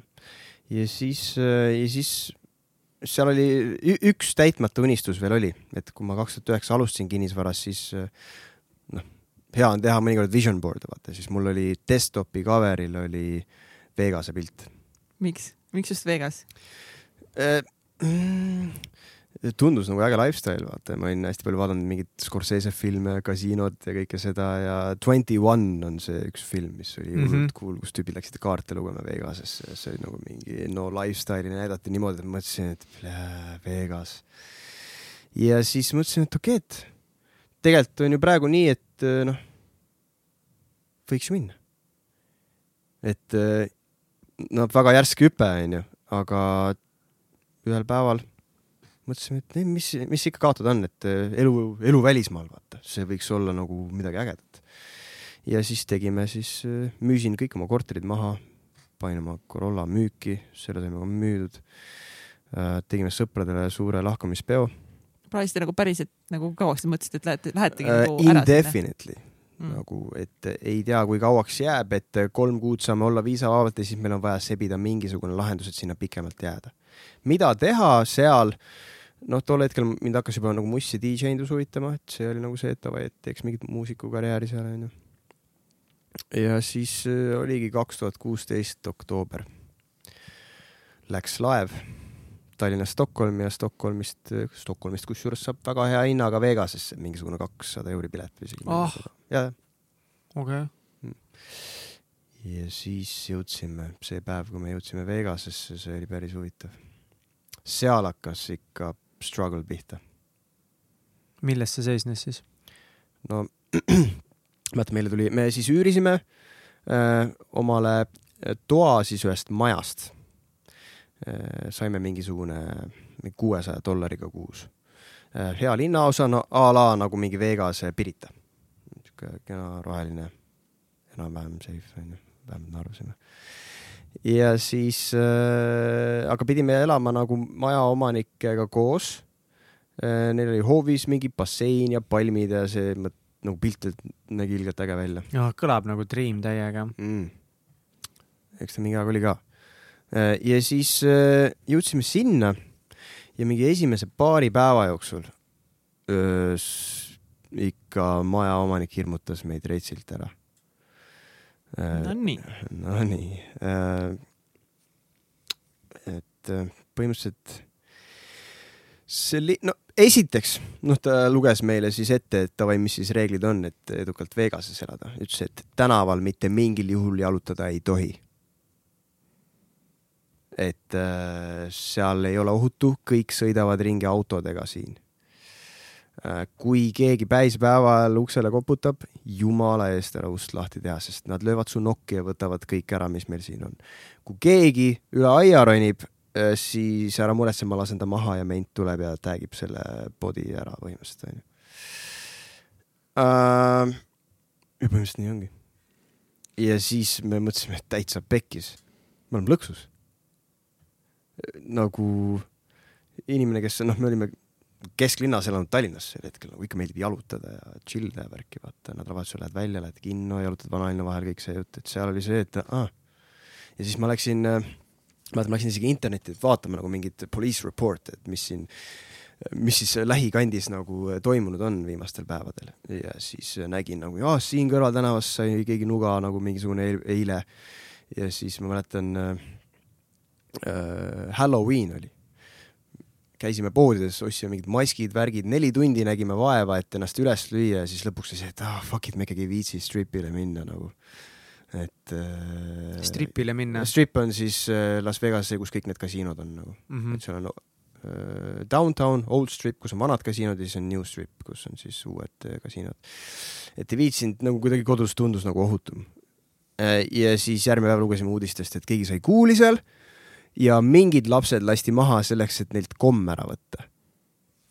ja, ja siis me saime aru, et vau see maailm on ikka väga rets, siin turvatunnet ei ole absull.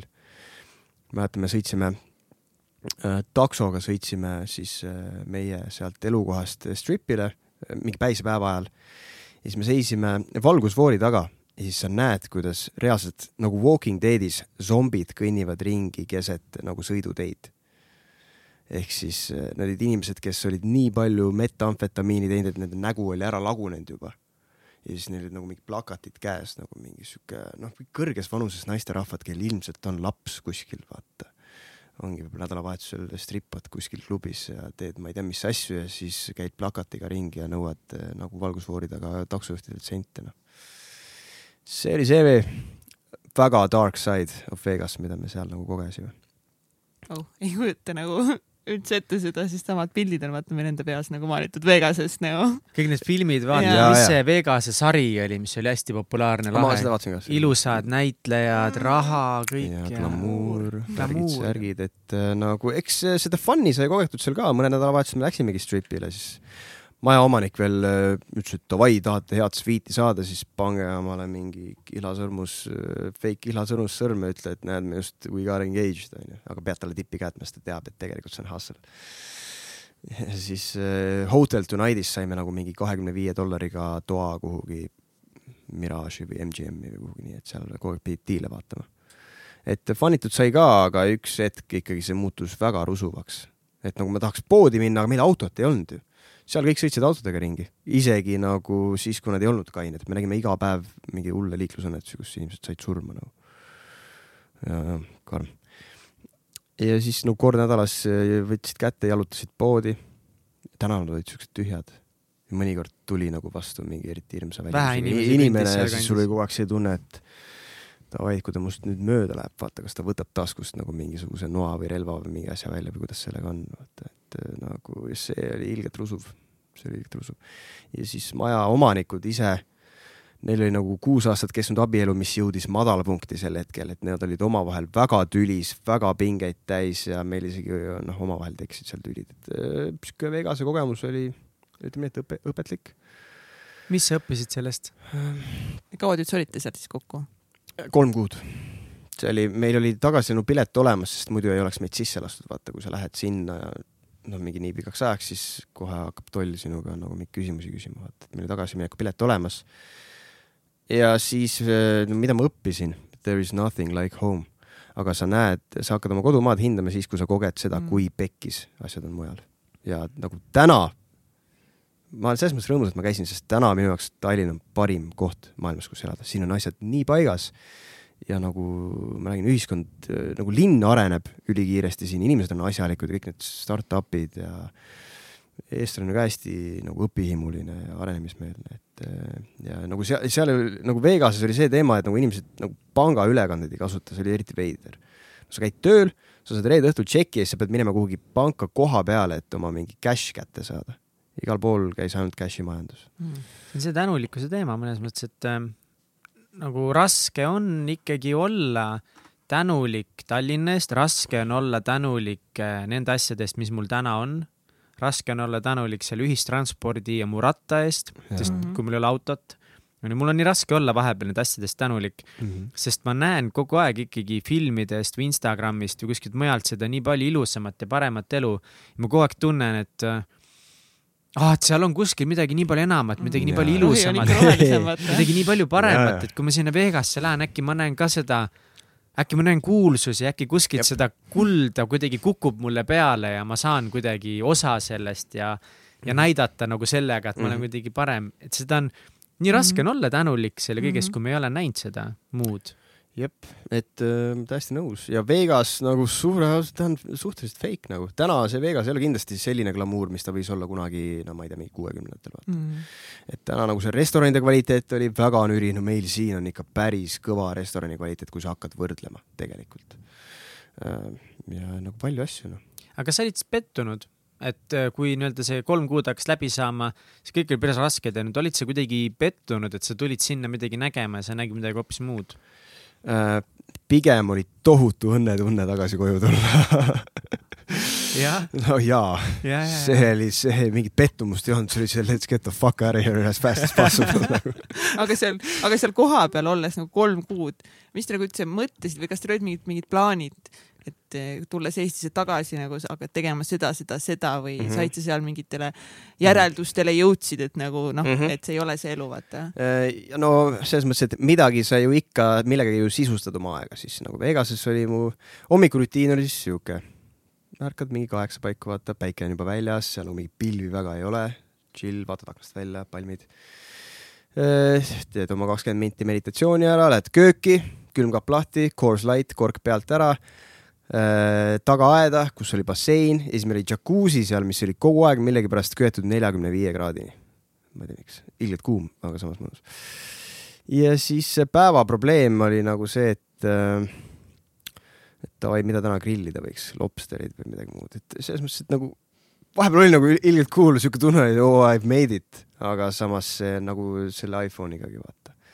et äh, mõni aeg läheb mööda, siis ei ole enam põnev Äh, Stripil käisime ka, äh, Mirage'i hotellis, MGM-is, äh, isegi ja MGM-i hoovis üks hommik tuleb meie juurde mingisugune Aasia mees, küsib, et kas te olete homme Vegases?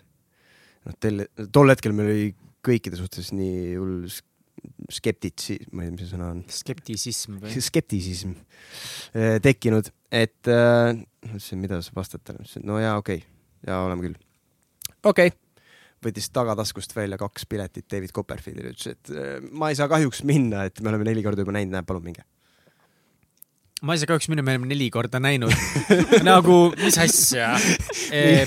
mis ta nagu ostis need piletid ära, siis mingi, aa, persse, ma olen neli korda näinud seda ju.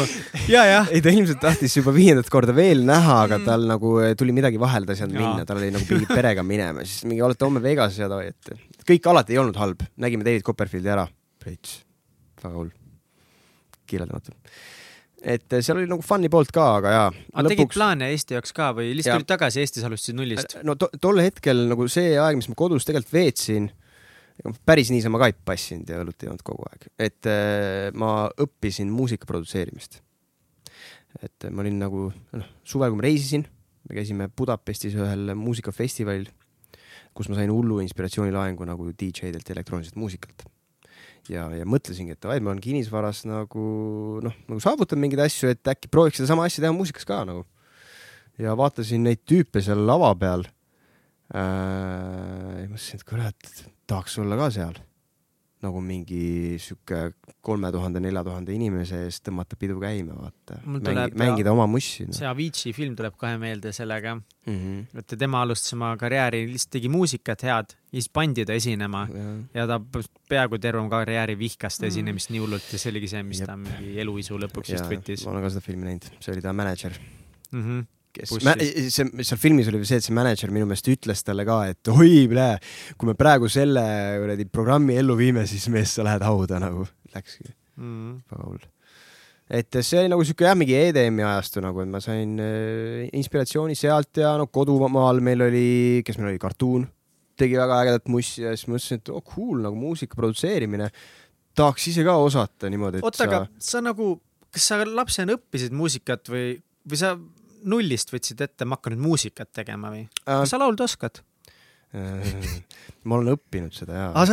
kunagi okay. ma olin ikkagi kõrva peale kukkunud laps, laulukoori mind varases nooruses ei võetud ja inimesed helistasid selle, kui ma olen pigem vait. laulmise mõttes siis. olin ka. aga kui ma olin kolmteist, siis mu sõber sai omale kitarri ja ma olin nagu mingi kuueaastast saati hull Metallica fänn olnud, me kogusime kassette oh,. sa enne rääkisid, sorry, mul läks meelest ära. et äh, rock n roll ja kogu see oli vaata te, te, teismehe eas ja, ja siis äh, tekkis entusiasm elektrikitarride vastu ja, ja siis ma hakkasin mängi-, õppima äh, neljateistaastaselt. isa ostis mulle elektrikidra ja siis äh, hästi palju, no tänaseks mingisugune viisteist, kuusteist aastat olen mänginud elektrikitarri oh,. Wow et ähm, jaa, aga siis nagu elektrooniline muusika tundus täiesti teine maailm. et seal on nagu bänd läheb laivi, siis sa iga õhtu ei saa nii head sound'i. elektrooniline muss on veits teine, seal on see, et kui bass ikka lööb, siis ikka kuradi tunned seda ribide vahel. mis sa võimalus. Eestis tegema hakkasid selle jaoks, et äh, saada DJ-ks või siis produtsendiks mm? -hmm et äh, noh, unistus oli, et davai, mingi Weekend festival on ju, festivali lavad, tahaks ta mingi klubi Hollywoodis mängida reede õhtul, et see oleks ilgelt äge dream nagu no., lifestyle no. mõnes mõttes nagu ka vabaduse püüdmine ka jälle läbi selle, et noh, tegele siis oma kirega nii-öelda onju.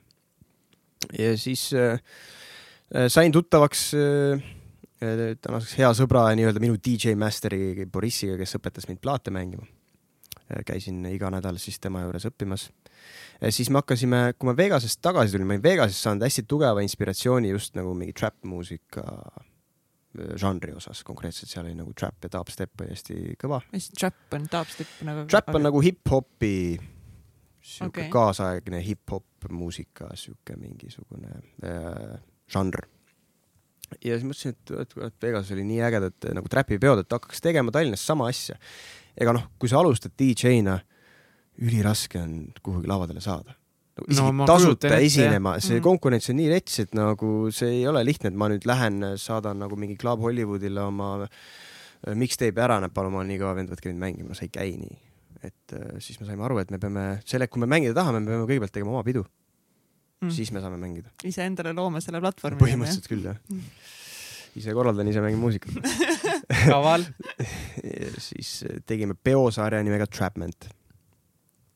Äh, ja siis esimene pidu oli meil Suhkrumollis Vene tänaval kaks tuhat, aastal kaks tuhat seitseteist kevadel ja kuust kuusse niimoodi kütsime neid pidusid, soov oli kasvatada ja jõuda ühel päeval nagu mingi suuremasse klubisse kas see pilt, mida me enne vaatasime, kas see oli sellest ajast või? See oli aasta hiljem tehtud ja, siis kui oli nagu see on nii naljakas, kui palju sinu, ma ei tea, kas sinu iseloom võib-olla mitte, et sinu see sihikindlus ja püüdlikkus ja töötahe mitte, aga et nagu, kui sa enne olid kinnisvaraäris just see šikk, pintsak, lipp, Peps on ju ärikas, kõrged majad ja kohvid mingite ülikondades vendadega, siis nüüd oli nokamüts, kus oli poliis peal, päikseprillid, istusid pargipingil mitte tooli peal, vaid tooli seljatoe peal, sest sa oled kõva mees onju ja, et eks ma, eks ma elasin mingi identiteedikriisi ka läbi sel hetkel, et kui sa tuled ja saab mingi plaksti kohe teine inimene, vaata, siis on no ikka see hirm, et mida teised inimesed arvavad, vaata. aga veits oli seda rebelit ka, et noh, fuck this shit, nagu teen, mis ma tahan, onju. jah. ja siis äh, nagu vahepeal oligi nagu klubi Hollywoodi juhatusega olid nagu läbirääkimised, et toome peo. Aga kuidas see Trapmandi, see ürituste sari, kas see oli edukas teil?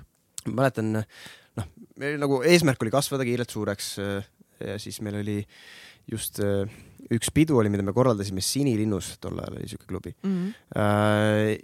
ja see pidu siis oli nii-öelda verstapost, et kas me saame holli sisse või mitte. okei okay.. see oli juunikuus aasta kaks tuhat seitseteist. Mm, ja siis hullult nägime vaeva, noh ilmselt sarnane, sarnane tunne võib-olla kui teil oli, kui te seda esimest event'i korraldasite seal Vaba Laval onju mm. -hmm. et äh, tellisime mingid tantsutüdrukuid ja panime kuradi trummari, tõi trummiseti lavale, et mängib beat ja vend peksab trummidega veel. Äh, Boriss käis veel mingi nelja meetri kõrgusel, pani strobod lakke, mingid laserid, värgid, tossud. äh, Full produ ikka, noh, VJ VJ nagu mingi vend istus lava kõrval, kes samal ajal kruttis nagu ekraanilt äh, visulle, vaata. et äh, no korralik eelarve läks äh,. ja see pidu oli ikka täielik pekkiminek. Nice. et äh, mis juhtus?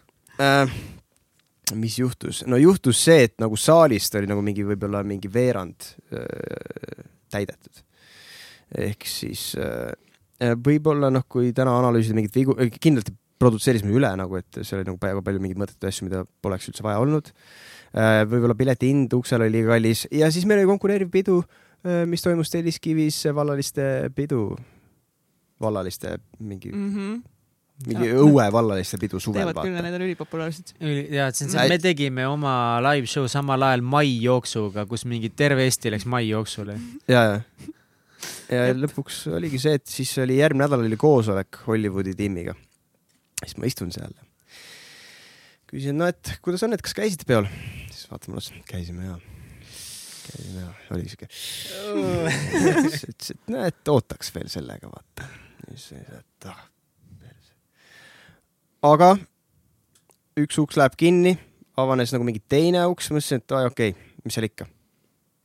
nagu veits oli valus, tõused püsti, pühid tolmuulgedelt ära, et, et no aga teeme edasi, siis vaatame, kuhu see võib viia. kas see su egole ka kuidagi mõjus või et nagu sa tegid ikkagi peo ja sa kutsusid inimest sinna ja siis sinna ei tulnud, et kui- väga see, oli see nagu valus sulle ka või? muidugi, pettumus. ja, ja aga noh, ma nagu sel hetkel kellelegi nagu võlgu ei jäänud, et nagu VJ-d ja kõik vennad ma maksin kõigile ära ja võtsin vastu selle kahjumi ja mõtlesin, et no mis siin ikka noh, õppetund siis, lähme edasi noh. ja, ja, ja siis, siis hakkas Kelmi ajastu. ja see oli noh, tänaseks nüüd ma olen ka mänginud ka suurtematel lavadel, nii need suured festivalid, Club Hollywood, kõik asjad, aga see Kelmi ajastu oli eriline. Mis see kelmi ajastu tähendab no Kelm oli siis kultuuriklubi Vene tänaval, aa, kus oli siuke alternatiivpeod ja seltskond ja seal tehti mingi, teisipäeviti tehti mingeid viktoriine ja siis äh, mingi teater tegutses seal sees ja nad panid nagu mingi retse pidusid terve nädalavahetuse nagu, seal oli mõnikord oli mingi backroom'is teisipäeva õhtul oli retsim pidu kuskil mujal reede õhtul nagu. et äh, väga äge oli, me tegime kuust kuusse, tegime oma Trapmenti pidusid seal äh,. Meil olid täismajad ja üliägeda vibe'iga rahvas ja. ei tohi ikka alla anda, kui üks pidu perse läheb. ja, ja, et noh, ega kasumisse selles mõttes ei jäänud või nagu tulime nulli, onju, mõned sendid peale, onju Noh., see oli väga tore, aga noh, eks seal oli ka see, et eh, liiga pikalt see nagu jätkusuutlik võib-olla ei ole, kui sa tahad nagu sellega hakata mingi ära elatuma, et see Kuidas ei olnud see mõte. see DJ karjäär lõppes, miks sa loobusid äh, muusikast selles vormis? Mhm. et äh, me alustasime järgmine aasta, mõtlesime, et davai, et hakkame nime tegema produtsentidena, siis tekkis Candy Drive, sihuke DJ duo. Candy Drive'i esimene gig oli suur festival, kolm tuhat, neli tuhat inimest, Beach Grind, mängisime pärast Jawsi, kes tol ajal oli nagu mingi maailmataseme kõige kõvem vend Bass House'is. et äh, nagu ma kogesin selle põhimõtteliselt enda unistuste tipu ära, Hollywoodis mängisime, Factory's mängisime ja mingi Tartus mingi Illusionid ja nagu sai tehtud. seda lõpuks me jõudsime sinna tänu nagu muusika pro produtseerimisele ja, ja kontaktide loomisele äh,. Tigraniga isegi tegime Sprite'i reklaami nagu mingi biidi ja artistidega tegin koostööd, reliisisime Mussi, raadiod mängisid, siiamaani. My Hits mängib äh, vist mingit mõnda lugu hmm.. et ja nagu. aga miks see kõik siis lõpetada? kõlab nagu jälle suht mm -hmm. nagu mhm. Dream. jep et äh, see oli siis kaks tuhat kaheksateist sügis, kus ma lõpuks jõudsin kohta, kus nagu mi-, hakkas nagu drive ära kaduma. Milline, aga milline see elu oli sellel ajal, kui te seda eh, DJ ja seda värki viljelesite, et milline su päeva, päev nagu välja nägi, et kas te elasite nagu rock n rolli elu ikka? mm,? ikka rock n rolli, kuidas, kuidas siis muidu nagu, et seda sai kogetud nagu küll iga nädalavahetus pidu onju erinevas kohas, noh, peod hakkasid pihta tegelikult juba neljapäeval. mingid omad place'id, omad inimesed, nende peoseltskondaga nagu on see, et kui sa lähed nädalavahetus välja, siis on iga nädal on samad vennad seal, vaata mm, -hmm. lõpuks on nagu perekond, vaata. aga miks sa nagu sellest, okei okay,, ma saan aru, et see on väsitav tegelikult ja sa ei jõua nagu siukest asja võib-olla väga palju teha, kui see ei ole nagu sihuke megaelu unistus seda teha ja edasi maailma tippu ja edasi sealt järgmisele planeedile. aga miks sina nagu tundsid, et see ikkagi ei ole sulle, miks sa ei tahtnud minna maailmas edasi, vaid mhm. hoopiski mm -hmm. loobusid kõigest sellest? Äh, äh, esiteks minna maailmasse edasi, no mul oli Vegase kogemus, mis, mis kuradi maailm, noh. seal pole mingit maailma, kui ma teen, siis ma teen asja Tallinnas, vaata. no olgem et... ausad, see sinu Vegase kogemus nagu mingi ja, nobody'na kuskil mingi tüübi tagahoovis versus nagu võib-olla pürgida mingiks kuulsuseks, need ja. on ikka väga erinevad maailmad. ja, seda küll jah aga see nagu see ei tundunud nagu mingi enam nii äge eesmärk, et davai, et lähen nüüd välismaale, et tuuritada on siis äge, kui sul on üliägedad inimesed kaasas mm.. ja tegelikult nagu fun on inimestega koos mingeid lugusid rääkida. see on nagu kogu kõige fun im element selle asja juures, vaata, selleks on, sa ei pea kohe minema maailma valutama kuhugi. et see maailma valutamine on väga palju ohverdusi nagu nõuab, onju. aga noh, mingi hetk ma hakkasin mõtlema, et, et davai, et kui ma seda nüüd jätkusuutlikult tahan terve elu teha, siis on nagu kuidagi vaja ka nagu see asi peaks ka raha tootma, vaata. sest muidu saab üks hetk lihtsalt raha otsa, mul nagu see pinge oli ka taustal okay., et noh, iga kuu tiksub, vaata. Äh, ja siis proovisin biite nagu netis müüa, ilge konkurents. täna on kõik produtsendid, sest sa võid õppida produtseerima Youtube'ist äh, nagu mingi nädal aega, vaata. Äh, noh, selleks, et mingi räpparitele või nagu artistidele toota midagi raha eest. noh, Eestis räpparitel ei ole väga raha, noh, isegi kui neil on, siis selle eest ostetakse midagi muud kui biite, vaata. ja siis äh, lõpuks nagu tundsin, et okei okay,, kui sellest saab töö, et ma nüüd ärkan esmaspäeva hommikul üles ja pean nagu mingi projekti deadline'e täitma, see ei ole fun enam. mingi hetk oli see, et ma ei viitsinud enam nagu reede õhtuti nagu minna klubisse plaate mängima. seda oli tehtud mitu aastat juba ja noh, alguses on ikka sõbrad tulevad kaasa, hiljem on juba see, et sama vana jama, igav äh,. tahaks kuhugi midagi rohkemat või kuhugi edasi liikuda, vaata. ma ei viitsi reede õhtul üldse poodigi minna, mitte midagi, nagu koju jõuad, siis on mingi davai, tšau, näeme esmaspäeval. ja siis nii hull vist Mihkel ikka ei ole. tunnen küll vahepeal. tunne ja, ja. no see ongi see, et tahaks mm. olla nagu, miks see reedel välja minna, tahaks olla diivani peal, vaadata Netflixi näiteks. ahah aga ei, ma pean minema praegu Rakverre mängima ööklubis oma mingit eh, poolteist tundi seti ära ja siis eh, tulema tagasi siis selleks, et ära elatuda või? aga mis see järgmine valik siis oli, et äh, nüüd, kui sa mõtlesidki, et, et esiteks see ei ole see, siis mis see järgmine asi võiks olla? kuidas sa, mis järgmine samm on? no see oli nagu see hetk elus, kus ma olin omadega täiesti lost. sest ma olin nagu noh kinnisvaras töötanud, onju, kogenud nii-öelda, et pension ei toimi, raha ei tee õnnelikuks, onju. Välismaa unistus on ka nagu ei ole päris minu teema, onju. reisimine mm,, üks hetk läheb igavaks. DJ ja mingi rokkstaari lifestyle, noh, see on ka otsa saanud või nagu kirg on kuidagi kadunud, et äh, mul oligi üks raskemaid momente elus, kus ma mõtlesin, et täiesti peks, mis ma miks, mis mõte üldse siis? kas sa mõtlesid äkki, et katki lihtsalt kuidagi, et nagu nii palju asju on nii lahedasti sul läinud, aga sa ikka ei olnud nagu kuskil mm. jaa, absoluutselt, no vaata, aga see viibki sind mingisugusele arusaamisele lõpuks. sest sa ju küsid ikka küsimusi, sa tahad ikkagi edasi liikuda, mõelda, et aga mis siis valesti on nagu, what, nagu what's wrong with me? see oli minu küsimus, et mis mul viga on. ja nagu justkui kõik on nagu peaks olema hästi, vaata onju ja see oli täpselt see hetk, kui minu ellu tuli Vipassana. see nagu ajastus oli selles mõttes huvitav. et mis see tähendab? Äh, mis on siis Vipassana? Vipassana on äh, meditatsioonitehnika, mis on mingi iidse ajalooga, kaks tuhat viis aastat, viissada aastat tagasi taasavastatud. selle eesmärk on äh, vabastada inimest negatiivsusest. Ma sain ühel päeval teada, et äh, kuule, Jüri, sa lähed nüüd äh, kursusele. ehk siis äh, tolleaegne elukaaslane pani mind kirja ja ütles, et äh, mine proovi ära, vaata. oli lugenud nagu mingi blogidest ja nii, ma olin ühelt sõbralt kuulnud. aga milline su elu siis nagu sel hetkel olid, kui sa ütlesid, see oli kõige raskem hetk sinu elus? Sa küsisid endalt, et tead, mis, mul nagu viga on? noh, eks ma nagu tegutsesin ikka, aga tagataustal oli kogu aeg see, et kurat, kas see on ikka õige asi ja kas ma ikka olen õigel teel, vaata, et äh, ma saan aru, et nagu biite netis müüa ei õnnestu, onju.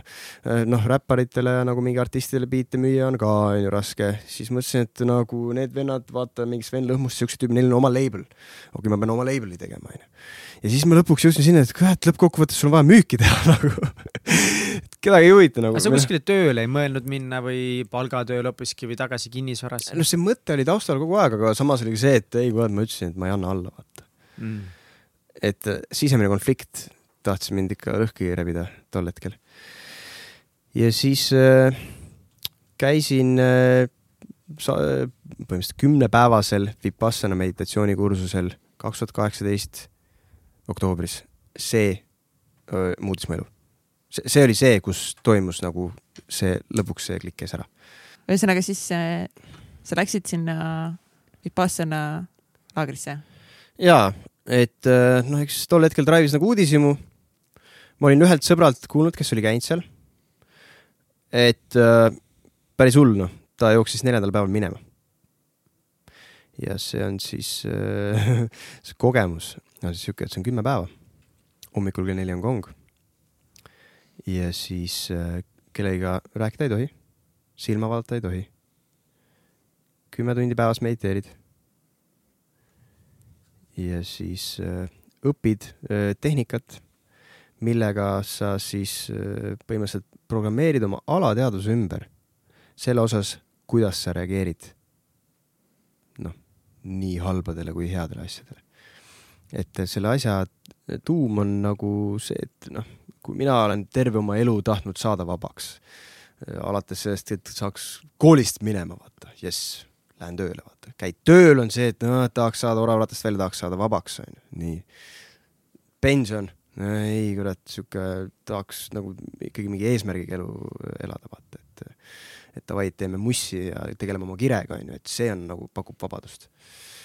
Lõpuks on see, et noh, et ei taha nagu reede õhtul käia seal nagu klubides enam raha pärast esinemas, see ei ole ka vabadus, see on ikka päris rets lõks tegelikult, onju ja siis lõpuks on, ei tea enam kuhu edasi ja, ja tegelikult mida ma Vipassana puhul aru sain, on see, et see tegelikult töötab probleemi juurega.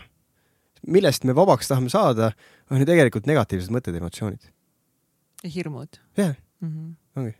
et, et me arvame, et me suudame seda raha, lahendada sellega, kui meil on hästi palju raha, Mm -hmm.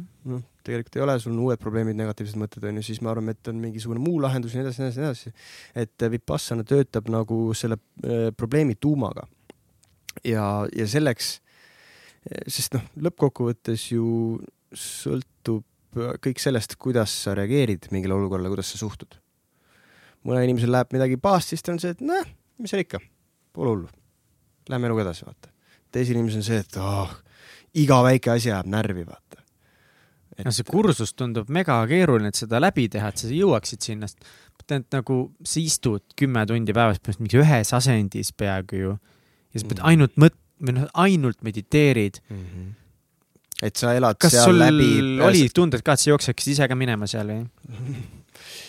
see nagu luup liiga hulluks ei läinud õnneks, et äh, ma juba ennast selles mõttes juba teadsin, tundsin ja usaldasin, et ma minema küll ei jookse, mul oli pigem, pigem mind drive'is nagu õpihimu, Mm. et, et, äge oleks masterdada ära see tehnika, võib-olla sellest on mu elus nagu kasu. ja ma mäletan, et mingi teine-kolmas päev hakkas nagu hull seljavalu hakkas pihta ja siis ma läksin õpetaja juurde, noh, seal võis nagu tunnike oli, kus sa said panna ennast kirja, minna õpetajaga rääkima. küsisin, et kurat, et nagu kuidas, et millal see valu ära läheb, vaata. tahaks sellest valust lahti saada. Siis ta ütles, et noh, et eks see on nagu eluski, et see valu ei pruugi ära minna, aga eh, sinu suhtumine sellesse valusse muutub, ehk siis see valu võib olla seal, aga sa ei reageeri sellele enam. mis tähendab seda, et noh, sisuliselt see valu on seal, aga sul nagu kuidagi sa ei koge seda valu sellisena, su alateadvus ei reageeri sellele enam.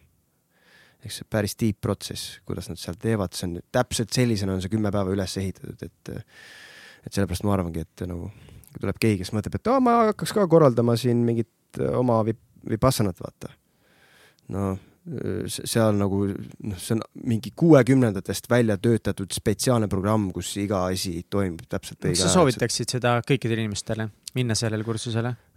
kui, kui sa tahad saada vabaks, saad, soovid oma negatiivsusest vabaneda ja soovid nagu elada elu niiviisi, et sa oled kogu aeg flow's ja heas tujus, siis absoluutselt noh. ma, ma, ma olen proovinud igasuguseid lahendusi, ma ei tea, et mis sa veel proovinud oled? no selles mõttes, et nagu ma ütlesin. peale nende, mis sa öelnud oled? ah,. ja, ja, no mis on viimasel ajal populaarsust kogub ayahuasca on ju, et äh, nii-öelda Peruust või vihmametsadest pärit sihuke äh, taimne spirit, mis siis inimest ravib, on ju. seda, see tseremoonial olen ka käinud aga kuidas see kogemus sinu jaoks oli? ähm,. Ma käisin seal pärast Vipassanat. et äh, Vipassana teeb sind ikka kondini nii tugevaks, et äh, seal on sul, võib-olla on niisugune tunne, et äh, noh, jaa, okei okay,, cool, inspireerib fun kindlasti nagu mõned kuud pärast seda tunned tugevdatud rahulolutunnet, onju. kui nagu mingi hirm, see on, ma ütlen, et Vipassana töötab su reaktsioonidega, selle nagu hirmu reaktsioonidega, ta elimineerib need, kui sa oma praktikat jätkad aga mis sa seal Vipassanas siis nagu, mis selgustele sa siis jõudsid, kui sa selle läbi tegid? mm. -hmm. et äh, ma sain aru, et meie vabadust piiravad äh, tegelikult äh, negatiivsed mõtted, emotsioonid. et tegelikult vanglamüürid on need, mis me oleme iseendale loonud. noh, see ei ole töö või mingi kool või mingi miski muu, see on tegelikult see, mis sul iseenda peas on nagu, see, mis sul seal toimub. Vipassana järgselt aga mis, mis need mingid negatiivsed mõtted, mis sul siis põhiliselt olid, mis sind piirasid? nagu sel hetkel või? nagu jah, millest sa siis aru said, et need nagu, et sa mõtled kogu aeg neid negatiivseid mõtteid? Äh, no see on, noh, täpselt sel hetkel ma olin ju siis on öelda DJ produtsendi karjääri nagu mingi viimases äh, chapter'is. ja seal oli nagu igasuguseid nagu muresid oli. noh, stress oli ikka, et davai, et kuidas kogu selle asjaga nagu finantsiliselt lõpuks toime tulla, onju. Kas ma üldse tahan seda teha, et nagu seda drive'i kuidagi ei olnud ja see nagu veits masendas. ja üleüldse noh, nagu inimese aju nagu default mode on see, et kui sa mingisugusele ülesandele ei keskendu, siis sa peas ikka käivad mõtted kas tulevikust või minevikust, vaata mm. -hmm. kuidas mingit, no mingit probleemi lahendada, vaata, see võib nagu sind viia nagu stressi ja teha igasuguseid äh, nagu elamist, ütleme, keerulisemaks ja ebameeldivamaks nagu. ja, ja pärast seda nagu see Vipassanas, noh, mul oli läbi, igalühel on nagu mingi oma läbimurdepäev äh,. mul oli vist mingi kuues või seitsmes päev, kus toimus nagu mingisugune nõks käib ära ja siis sa saad aru, et sa saad, sa suudad juba istuda nagu kauem niimoodi, et sa, et sa nii retsit ei reageeri sellele valule enam, vaata. ja päevast päeva niimoodi töötad. kui ma sealt tagasi tulin, see oli esimest korda elus, kui ma tundsin, et davai, I have made it, nüüd ma olen vaba. ma mäletan, ma kõndisin veel vanalinnas ringi ja jagasin kogu oma raha muusikutele laiali. ja, ja tundsin nagu tohutut vabaduse tunnet, tõesti, see oli nagu see tunne, et davai, mina olen nüüd päästetud, lähme aitame kedagi teist. nagu ma, ma olen siin ja praegu happy kõige sellega, mis mul praegu on, mis iganes siin ka ei oleks, vaata, et äh, ja ma olen flow's ja nüüd võiks astuda järgmise sammu oma elus. kas see on selline asi, et samas kui sa ei jätka seda Vipassana praktiseerimist, et siis see kaob nagu ära või sa pead kogu aeg ikkagi tegelema Vipassanaga? noh, samamoodi nagu söömisega, et sa pead kogu aeg sööma ja, nagu ja., trennis käima nagu, Jah. et hoida oma vormi onju. nii on, jaa, absoluutselt. et äh, noh, täna ongi, igapäevane praktika on tund meditatsiooni hommikul, tund meditatsiooni õhtul. kaks tundi päevas. see, kes selle populaarse raamatu praegu kirjutas, Sapiens ja Homo Deus ja see. Yuval Noah Harari. jah, täpselt, ma loen seda Sapiensi, kuulasin audiobook'ina selle Twenty First Lessons'i ära Mhm. ja ta rääkis ka, et tema jaoks meditatsioon, äkki seesama Vipassana oligi, ma ei ole kindel, et, et see Mhm. oli see, mis äh, aitas tal kõik need raamatud kirjutada, kõik yeah. muu ja siis ta ütles ka, et kaks tundi iga päev ja ma olin mingi kaks tundi. ei suuda oma kahekümne minutiga hakkama ma teen saada. kakskümmend minutit, ma mõtlesin mingi opa, kakskümmend minutit. Mhm. kuidas see kaks tundi, ma ei tea. Eh, vaata, see ongi küsimus, et ah, et mis eesmärk siis üldse on. et mille mille pärast me üldse midagi elus teeme? Noh. midagi peab elus tegema. no midagi peab tegema, täpselt. aga kui see midagi nagu võiks teenida seda, et sa oled eh, kogu aeg heas tujus ja negatiivsusest vaba, sul on kogu aeg hea olla. kogu nagu... aeg ei saa ju hea olla, isegi kui sa teed Vipassana, sul ei saa kogu aeg hea olla, sa ei saa kogu aeg heas tujus olla. pigem on nagu see, et see ei mõjuta sind nii hullult, vaata Mm. midagi halba juhtub. noh, sa ei lähe närvi, vaata, sa ei ela seda nii raskelt üle, sul on lihtne lahti lasta asjadest, vaata. või nagu mingi, noh, ongi midagi head sinu elust võetakse ära, noh, sa ei ela seda nii hullult üle. aga miks see hea on, miks see aitab meid, kui me elame paremini läbi sinu arvates neid ähm, no negatiivseid asju, mis elus juhtub, miks see mm. kasulik on? et kui me ei hoia nagu liiga hullult ei traume, no selles mõttes, et vaata, kui inimene on negatiivsust täis, siis sul on siuke tunne, et sa oled mürki täis ja sa hakkad mõjutama negatiivselt ka kõiki oma lähedasi inimesi. kui sul on ülemus, kes on negatiivselt, negatiivsust täis, siis ta hakkab mõjutama ka oma töötajaid, vaata, see mõjutab ühte inimest, see mõjutab viite inimest, need omakorda mõjutavad inimesi. ma ei tea, see on nagu siuke the world would be a better place. Aga no endal on ka hea tunne, selles mõttes, et ma olen nagu kogenud elu ühtepidi ja teistpidi ja ma ei tea, minu meelest on küll päris hea, päris hea on olla nagu, päris hea on oota, mille olla., mille, oota, millal sa käisid seal? Esimest korda käisin äh, kaks tuhat kaheksateist äh, sügisel. kaks tuhat kaheksateist sügisel käisid esimest korda, okei okay.. nüüd, kas sa sellest kaks tuhat kaheksateist aastast nagu, kas sa tõesti oled nagu järginud seda Vipassana iga päev kaks tundi mediteerinud kõik selle aja või? no vahepeal läks lappama, siin siis äh, ma tulin ju kinnisvarasse tagasi pärast. aga vahepeal läks, natukene läks nagu praktika lappama ja hakkasid uuesti nagu mingi pidu panema ja värki onju. aga nüüd ma olen seda nagu väga karmilt hoidnud alates septembri algusest aga miks, miks see läks lappama? mm.. no see ikka tulevad need mõtted, et ah, kurat, kaks tundi päevas, et savi, ma sain ju poole tunniga hommikul hakkama, vaata, mul on nii palju teha ja pealegi nagu siin on nagu noh, töökohustus ja Mm. inimesi on vaja aidata, vaata, et noh, sul on ikka, sul hakkab see müügimees siin hakkab sulle müüma väga hästi. müügimees peas jah? jaa, täpselt, ta on päris hea müügimees. ja, ja, ja.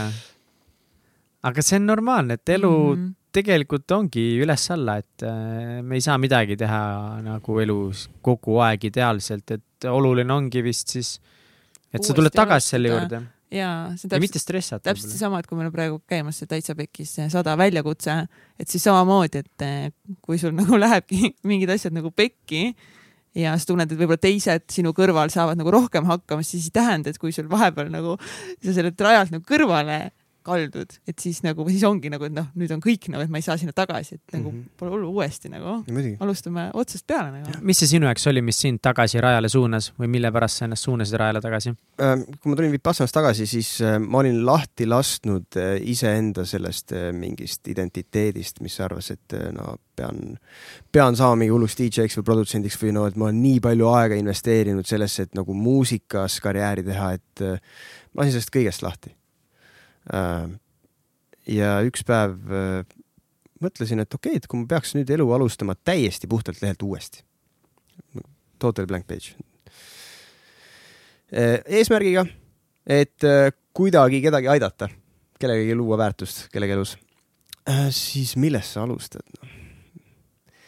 ja, ja, ja kuna Vipassana on mind ka aidanud nii palju, et äh, pea oli nagu vaikus, vaata, ei olnud liiga palju müra seal.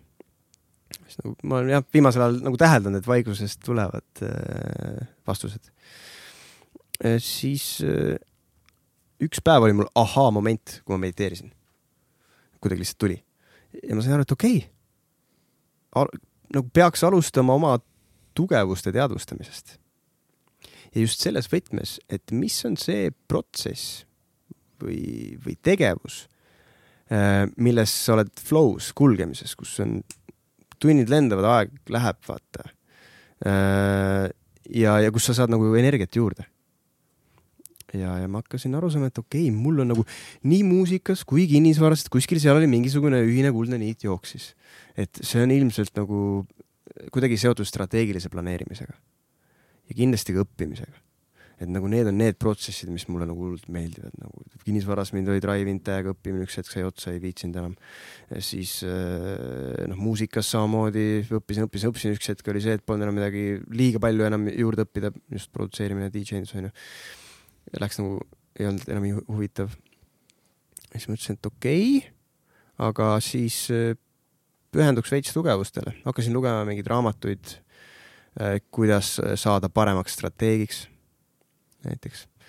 ja siis äh, hakkasin otsima võimalusi, kuhu minna ennast rakendama, et millisele tiimile siis luua väärtust vastavalt oma tugevustele onju.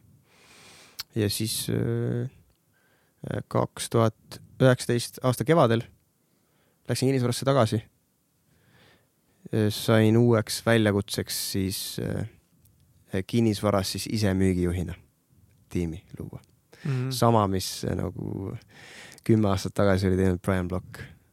et äh, ma sain aru, et okei okay,, need inimesed, müük ei ole lihtne, neil on vaja inimest, kellele toetuda ja ma mõtlesin, et davai, ma võin olla see inimene ja rakendada enda tugevusi ja inspireerida, koolitada, see sunnib mind iseennast ka õppima et äh, just õppima ka müüki paremini tegema, onju.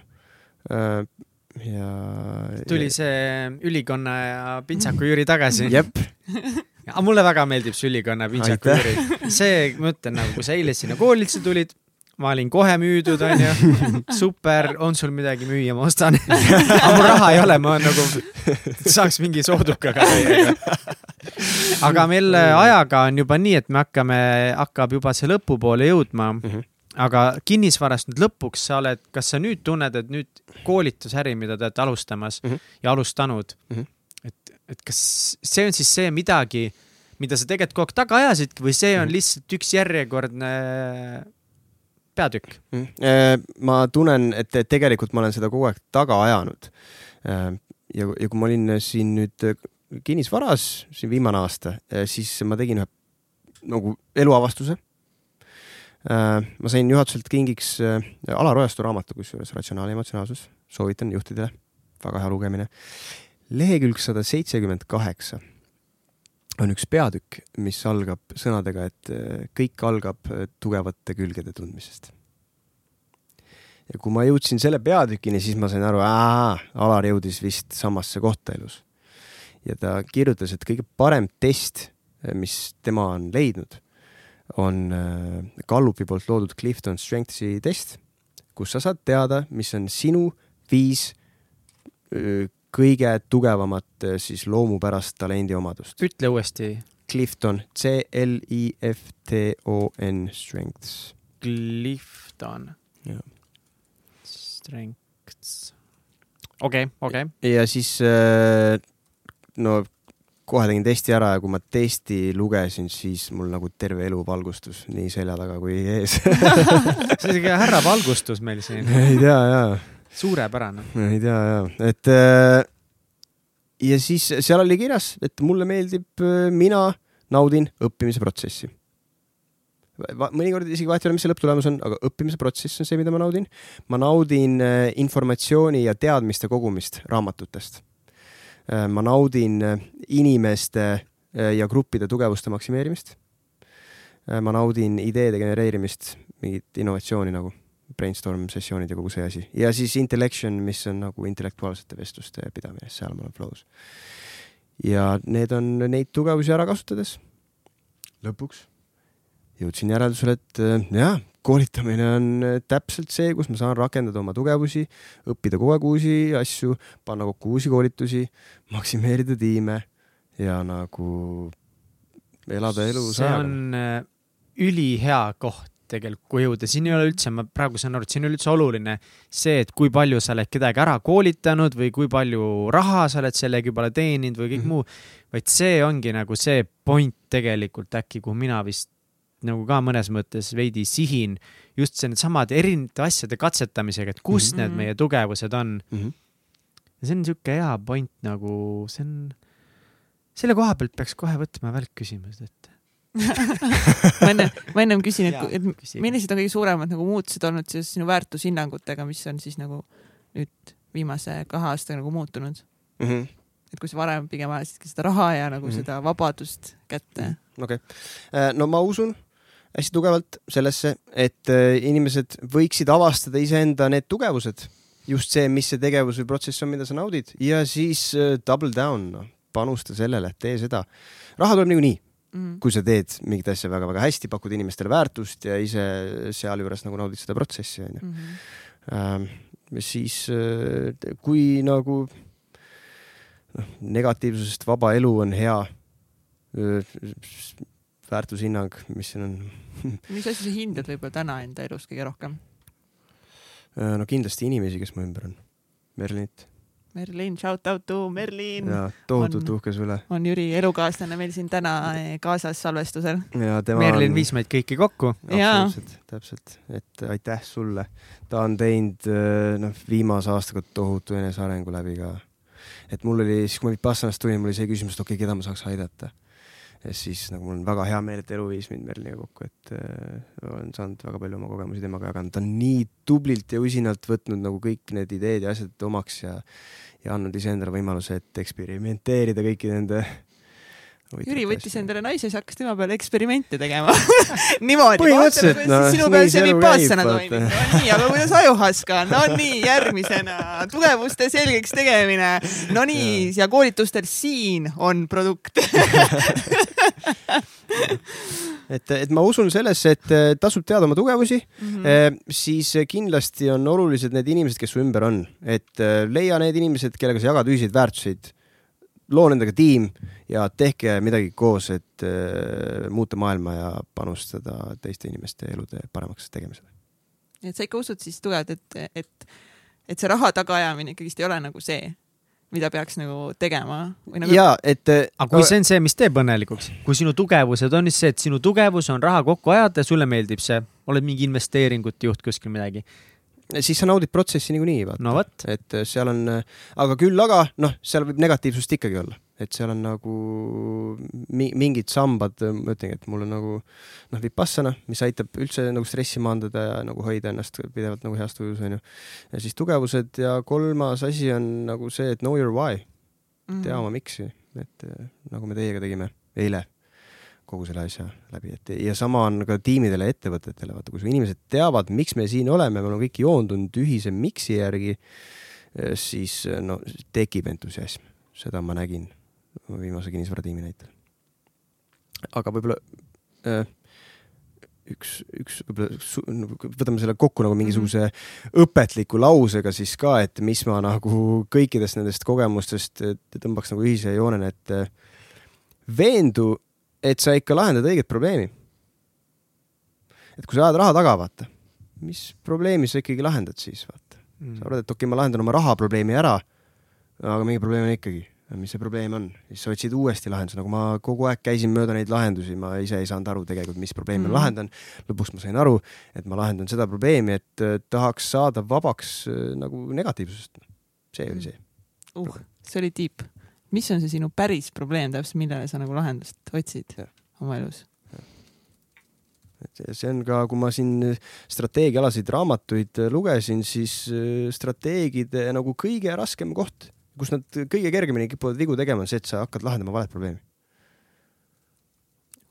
et tasub natukene rohkem mõelda asju läbi, et mis see tegelik probleem on. ja siis selle jaoks sa soovitad eh, siiski siis a la teha Vipassanasse minna või, või saaksid inimesed veel midagi teha, et seda probleemi endas, seda õiget probleemi siis üles leida no,? Vipassana Clifton ja. ja siis. meil on show notes'e vaja noh meil on show notes'e vaja, meil on väga vaja. me, keegi just siin kirjutas ka mingi, et ja. mis raamatud teil ikka, räägite raamatutest nagu. ja, ja nii, kuule, nüüd on aeg välkküsimused. nüüd davai. aeg on seal. okei okay,, küta. kütame.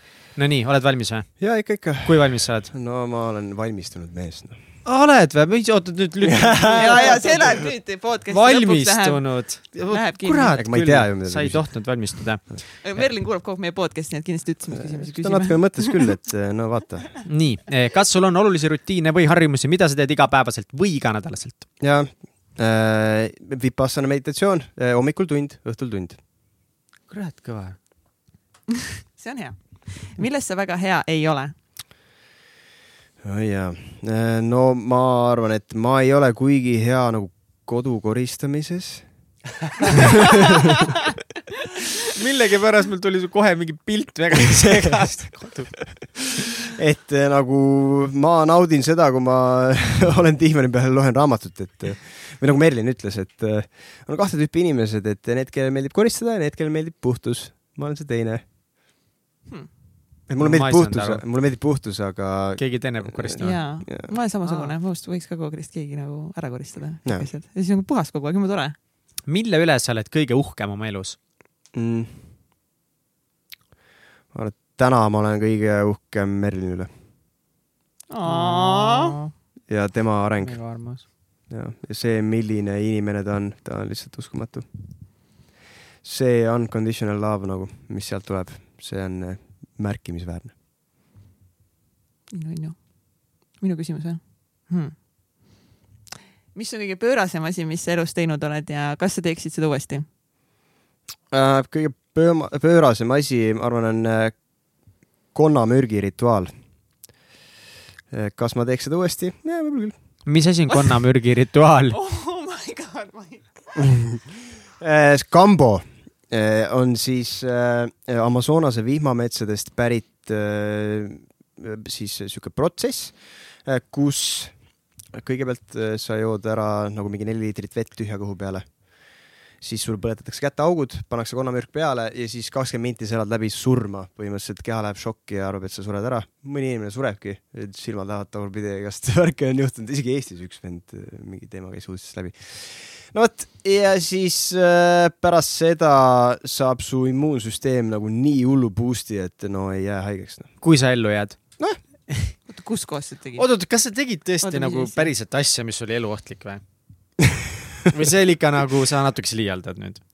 ei, see ikka on eluohtlik ka jah, aga noh, ma, nii suur šanss võib-olla surra ei ole, et seal ikkagi ma arvan, et väike on see võimalus, kus inimesi reaalselt ära kõngeb. aga ja ta võib, eks inimese organismid on erinevad. kus sa tegid seda? Äh, seda võib teha igal pool, näiteks Peruus vihmametsades, kus iganes ma täpse lokatsiooni jätaks praegu saladuseks. Sounds fair. ja nüüd on see immuunsüsteem siis tugevam? nagu tuh-tuh-tuh ei ole haigeks jäänud. millal sa, millal sa tegid seda? see oli suvel. nüüd jah? Jaa. okei, väga põnev, väga põnev aga. oli valus ja halb või vastik, mis, mis, mis sa nagu, ma üldse praegu ma enne nägin äh, nagu inimesi pealt, kes seda tegid, et ma, ma olin nagu kaks päeva seal kohas, kus seda tehti, esimene päev ma nagu vaatasin pealt, ma olin nagu see, et oot-oot-oot, enne vaatame, mis siis saab. ja need tüübid alguses tulid mingi, viskasid nalja, mingi täiega äge, oota teeme nüüd ära, onju. aga siis, kui protsess hakkas pihta, siis nad kirusid ja vandusid ja kartsid surma. Et äh, su keha läheb šokki, sa hakkad tundma nagu mingit elektrilööke või mingeid laineid üle kogu keha Äh, siis äh, noh, võib mõlemast otsast välja lüüa, vaata, kui sa tahad joosta tualetti, siis peab keegi sind kandma, sest sa ei seisa jalgadel, sa võid kukkuda sinnasamma mulla siis pikali maha, vaata.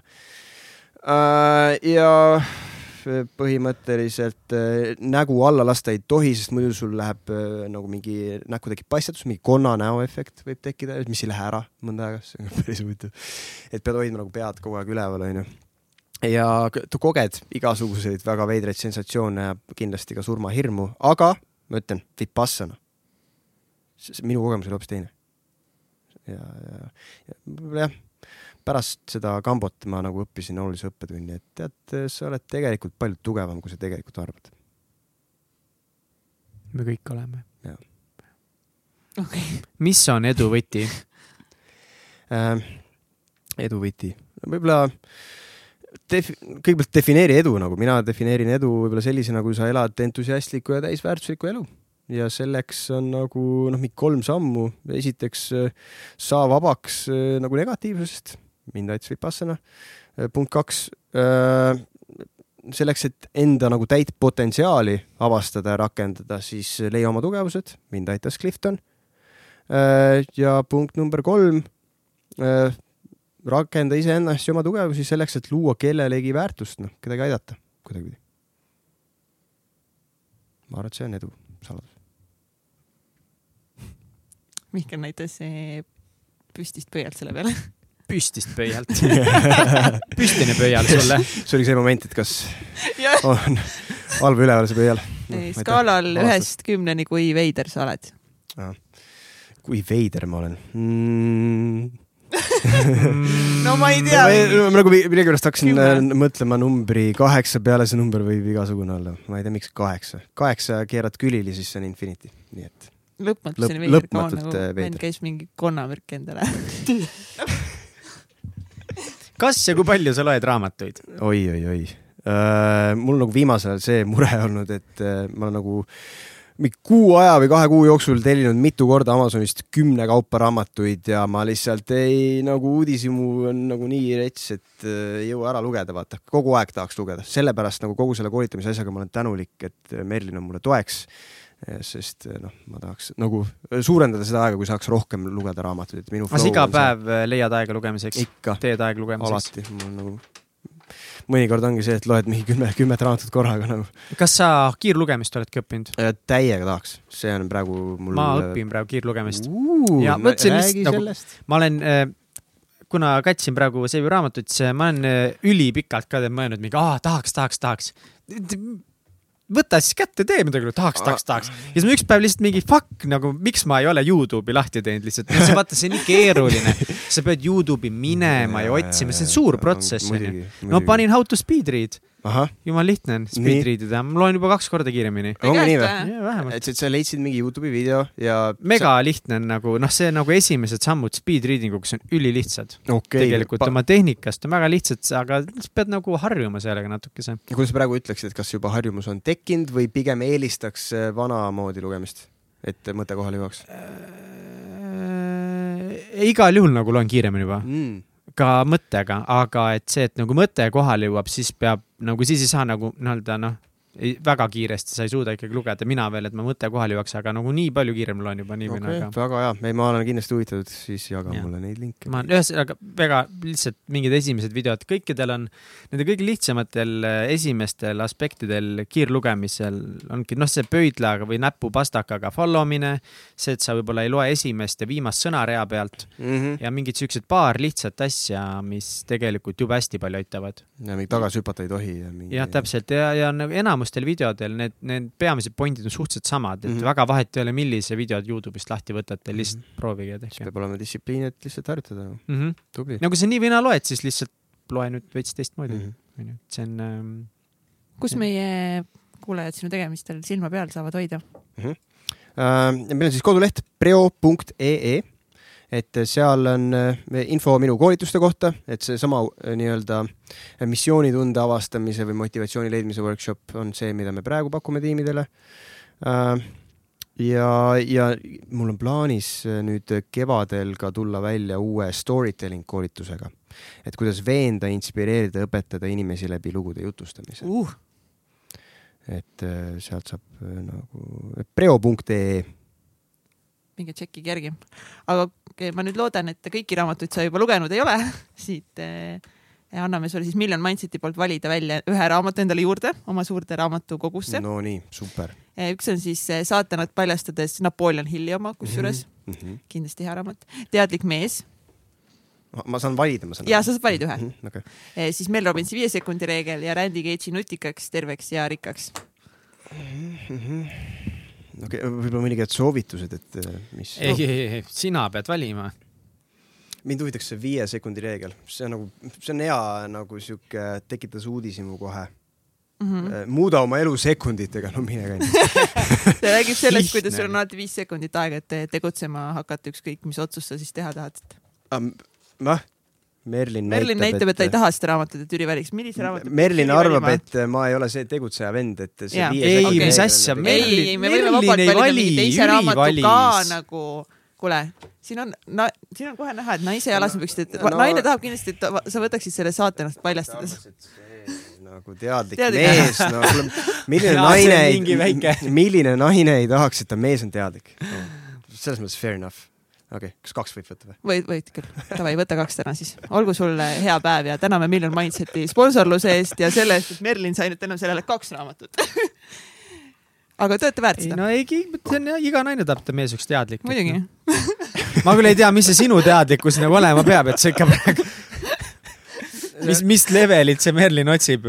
et äh, no igast raamatust ikkagi õpid. Dalai-laama.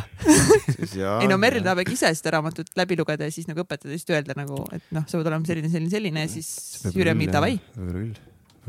absoluutselt. ja nii ongi, lihtne. super, aitäh teile. aitäh, Jüri. aitäh sulle, Jüri, et sa jagasid seiklusi oma elust, no see oli rõõm, see oli rõõm. tore on istuda siin ja jutustada. aitäh, kallid kuulajad, et täna jälle tšillisite Kallis meiega, kallis kuulaja, palun vabandust, sina, kallis kuulaja seal. et eh, kus iganes sa käid, kus iganes sa kõnnid, ikka kuulasid, nii tore, nii tore, eks ole. ja no kui oli lahe episood, siis jaga mingi ühe sõbraga näiteks, kes eh, otsib eh, elu mõtet või elu mõtet, no po- elu mõtet, noh, ma otsingi elu mõtet, sa otsid elu mõtet, me otsime elu mõtet. ma arvan, et väga paljud meist otsivad, et vähe on neid, kes on leidnud, et jaga selle vähemalt ühe oma sõbraga ja tag'i meid Instagramis ja võta osa meie hashtag täitsa pekis sada väljakutsest. ja oled oodatud ükskõik mis ajal meiega liituma, et siis äh, meie siis eesmärgiks oleks see, et siis äh, võtta endale sada päeva ja siis esimene variant on see, et valida ühe harjumuse, mida sa tahad endas arendada, teed seda sada päeva järjest iga päev.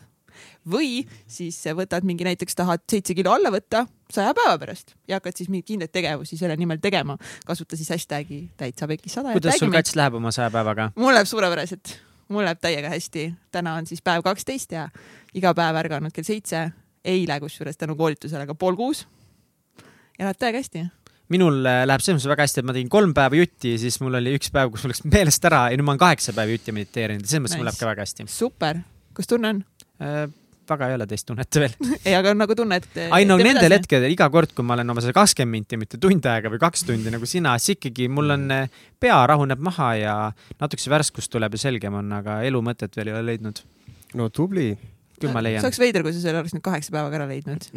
No, siis nagu other people nagu hardcore viib vastu kümme päeva kaks.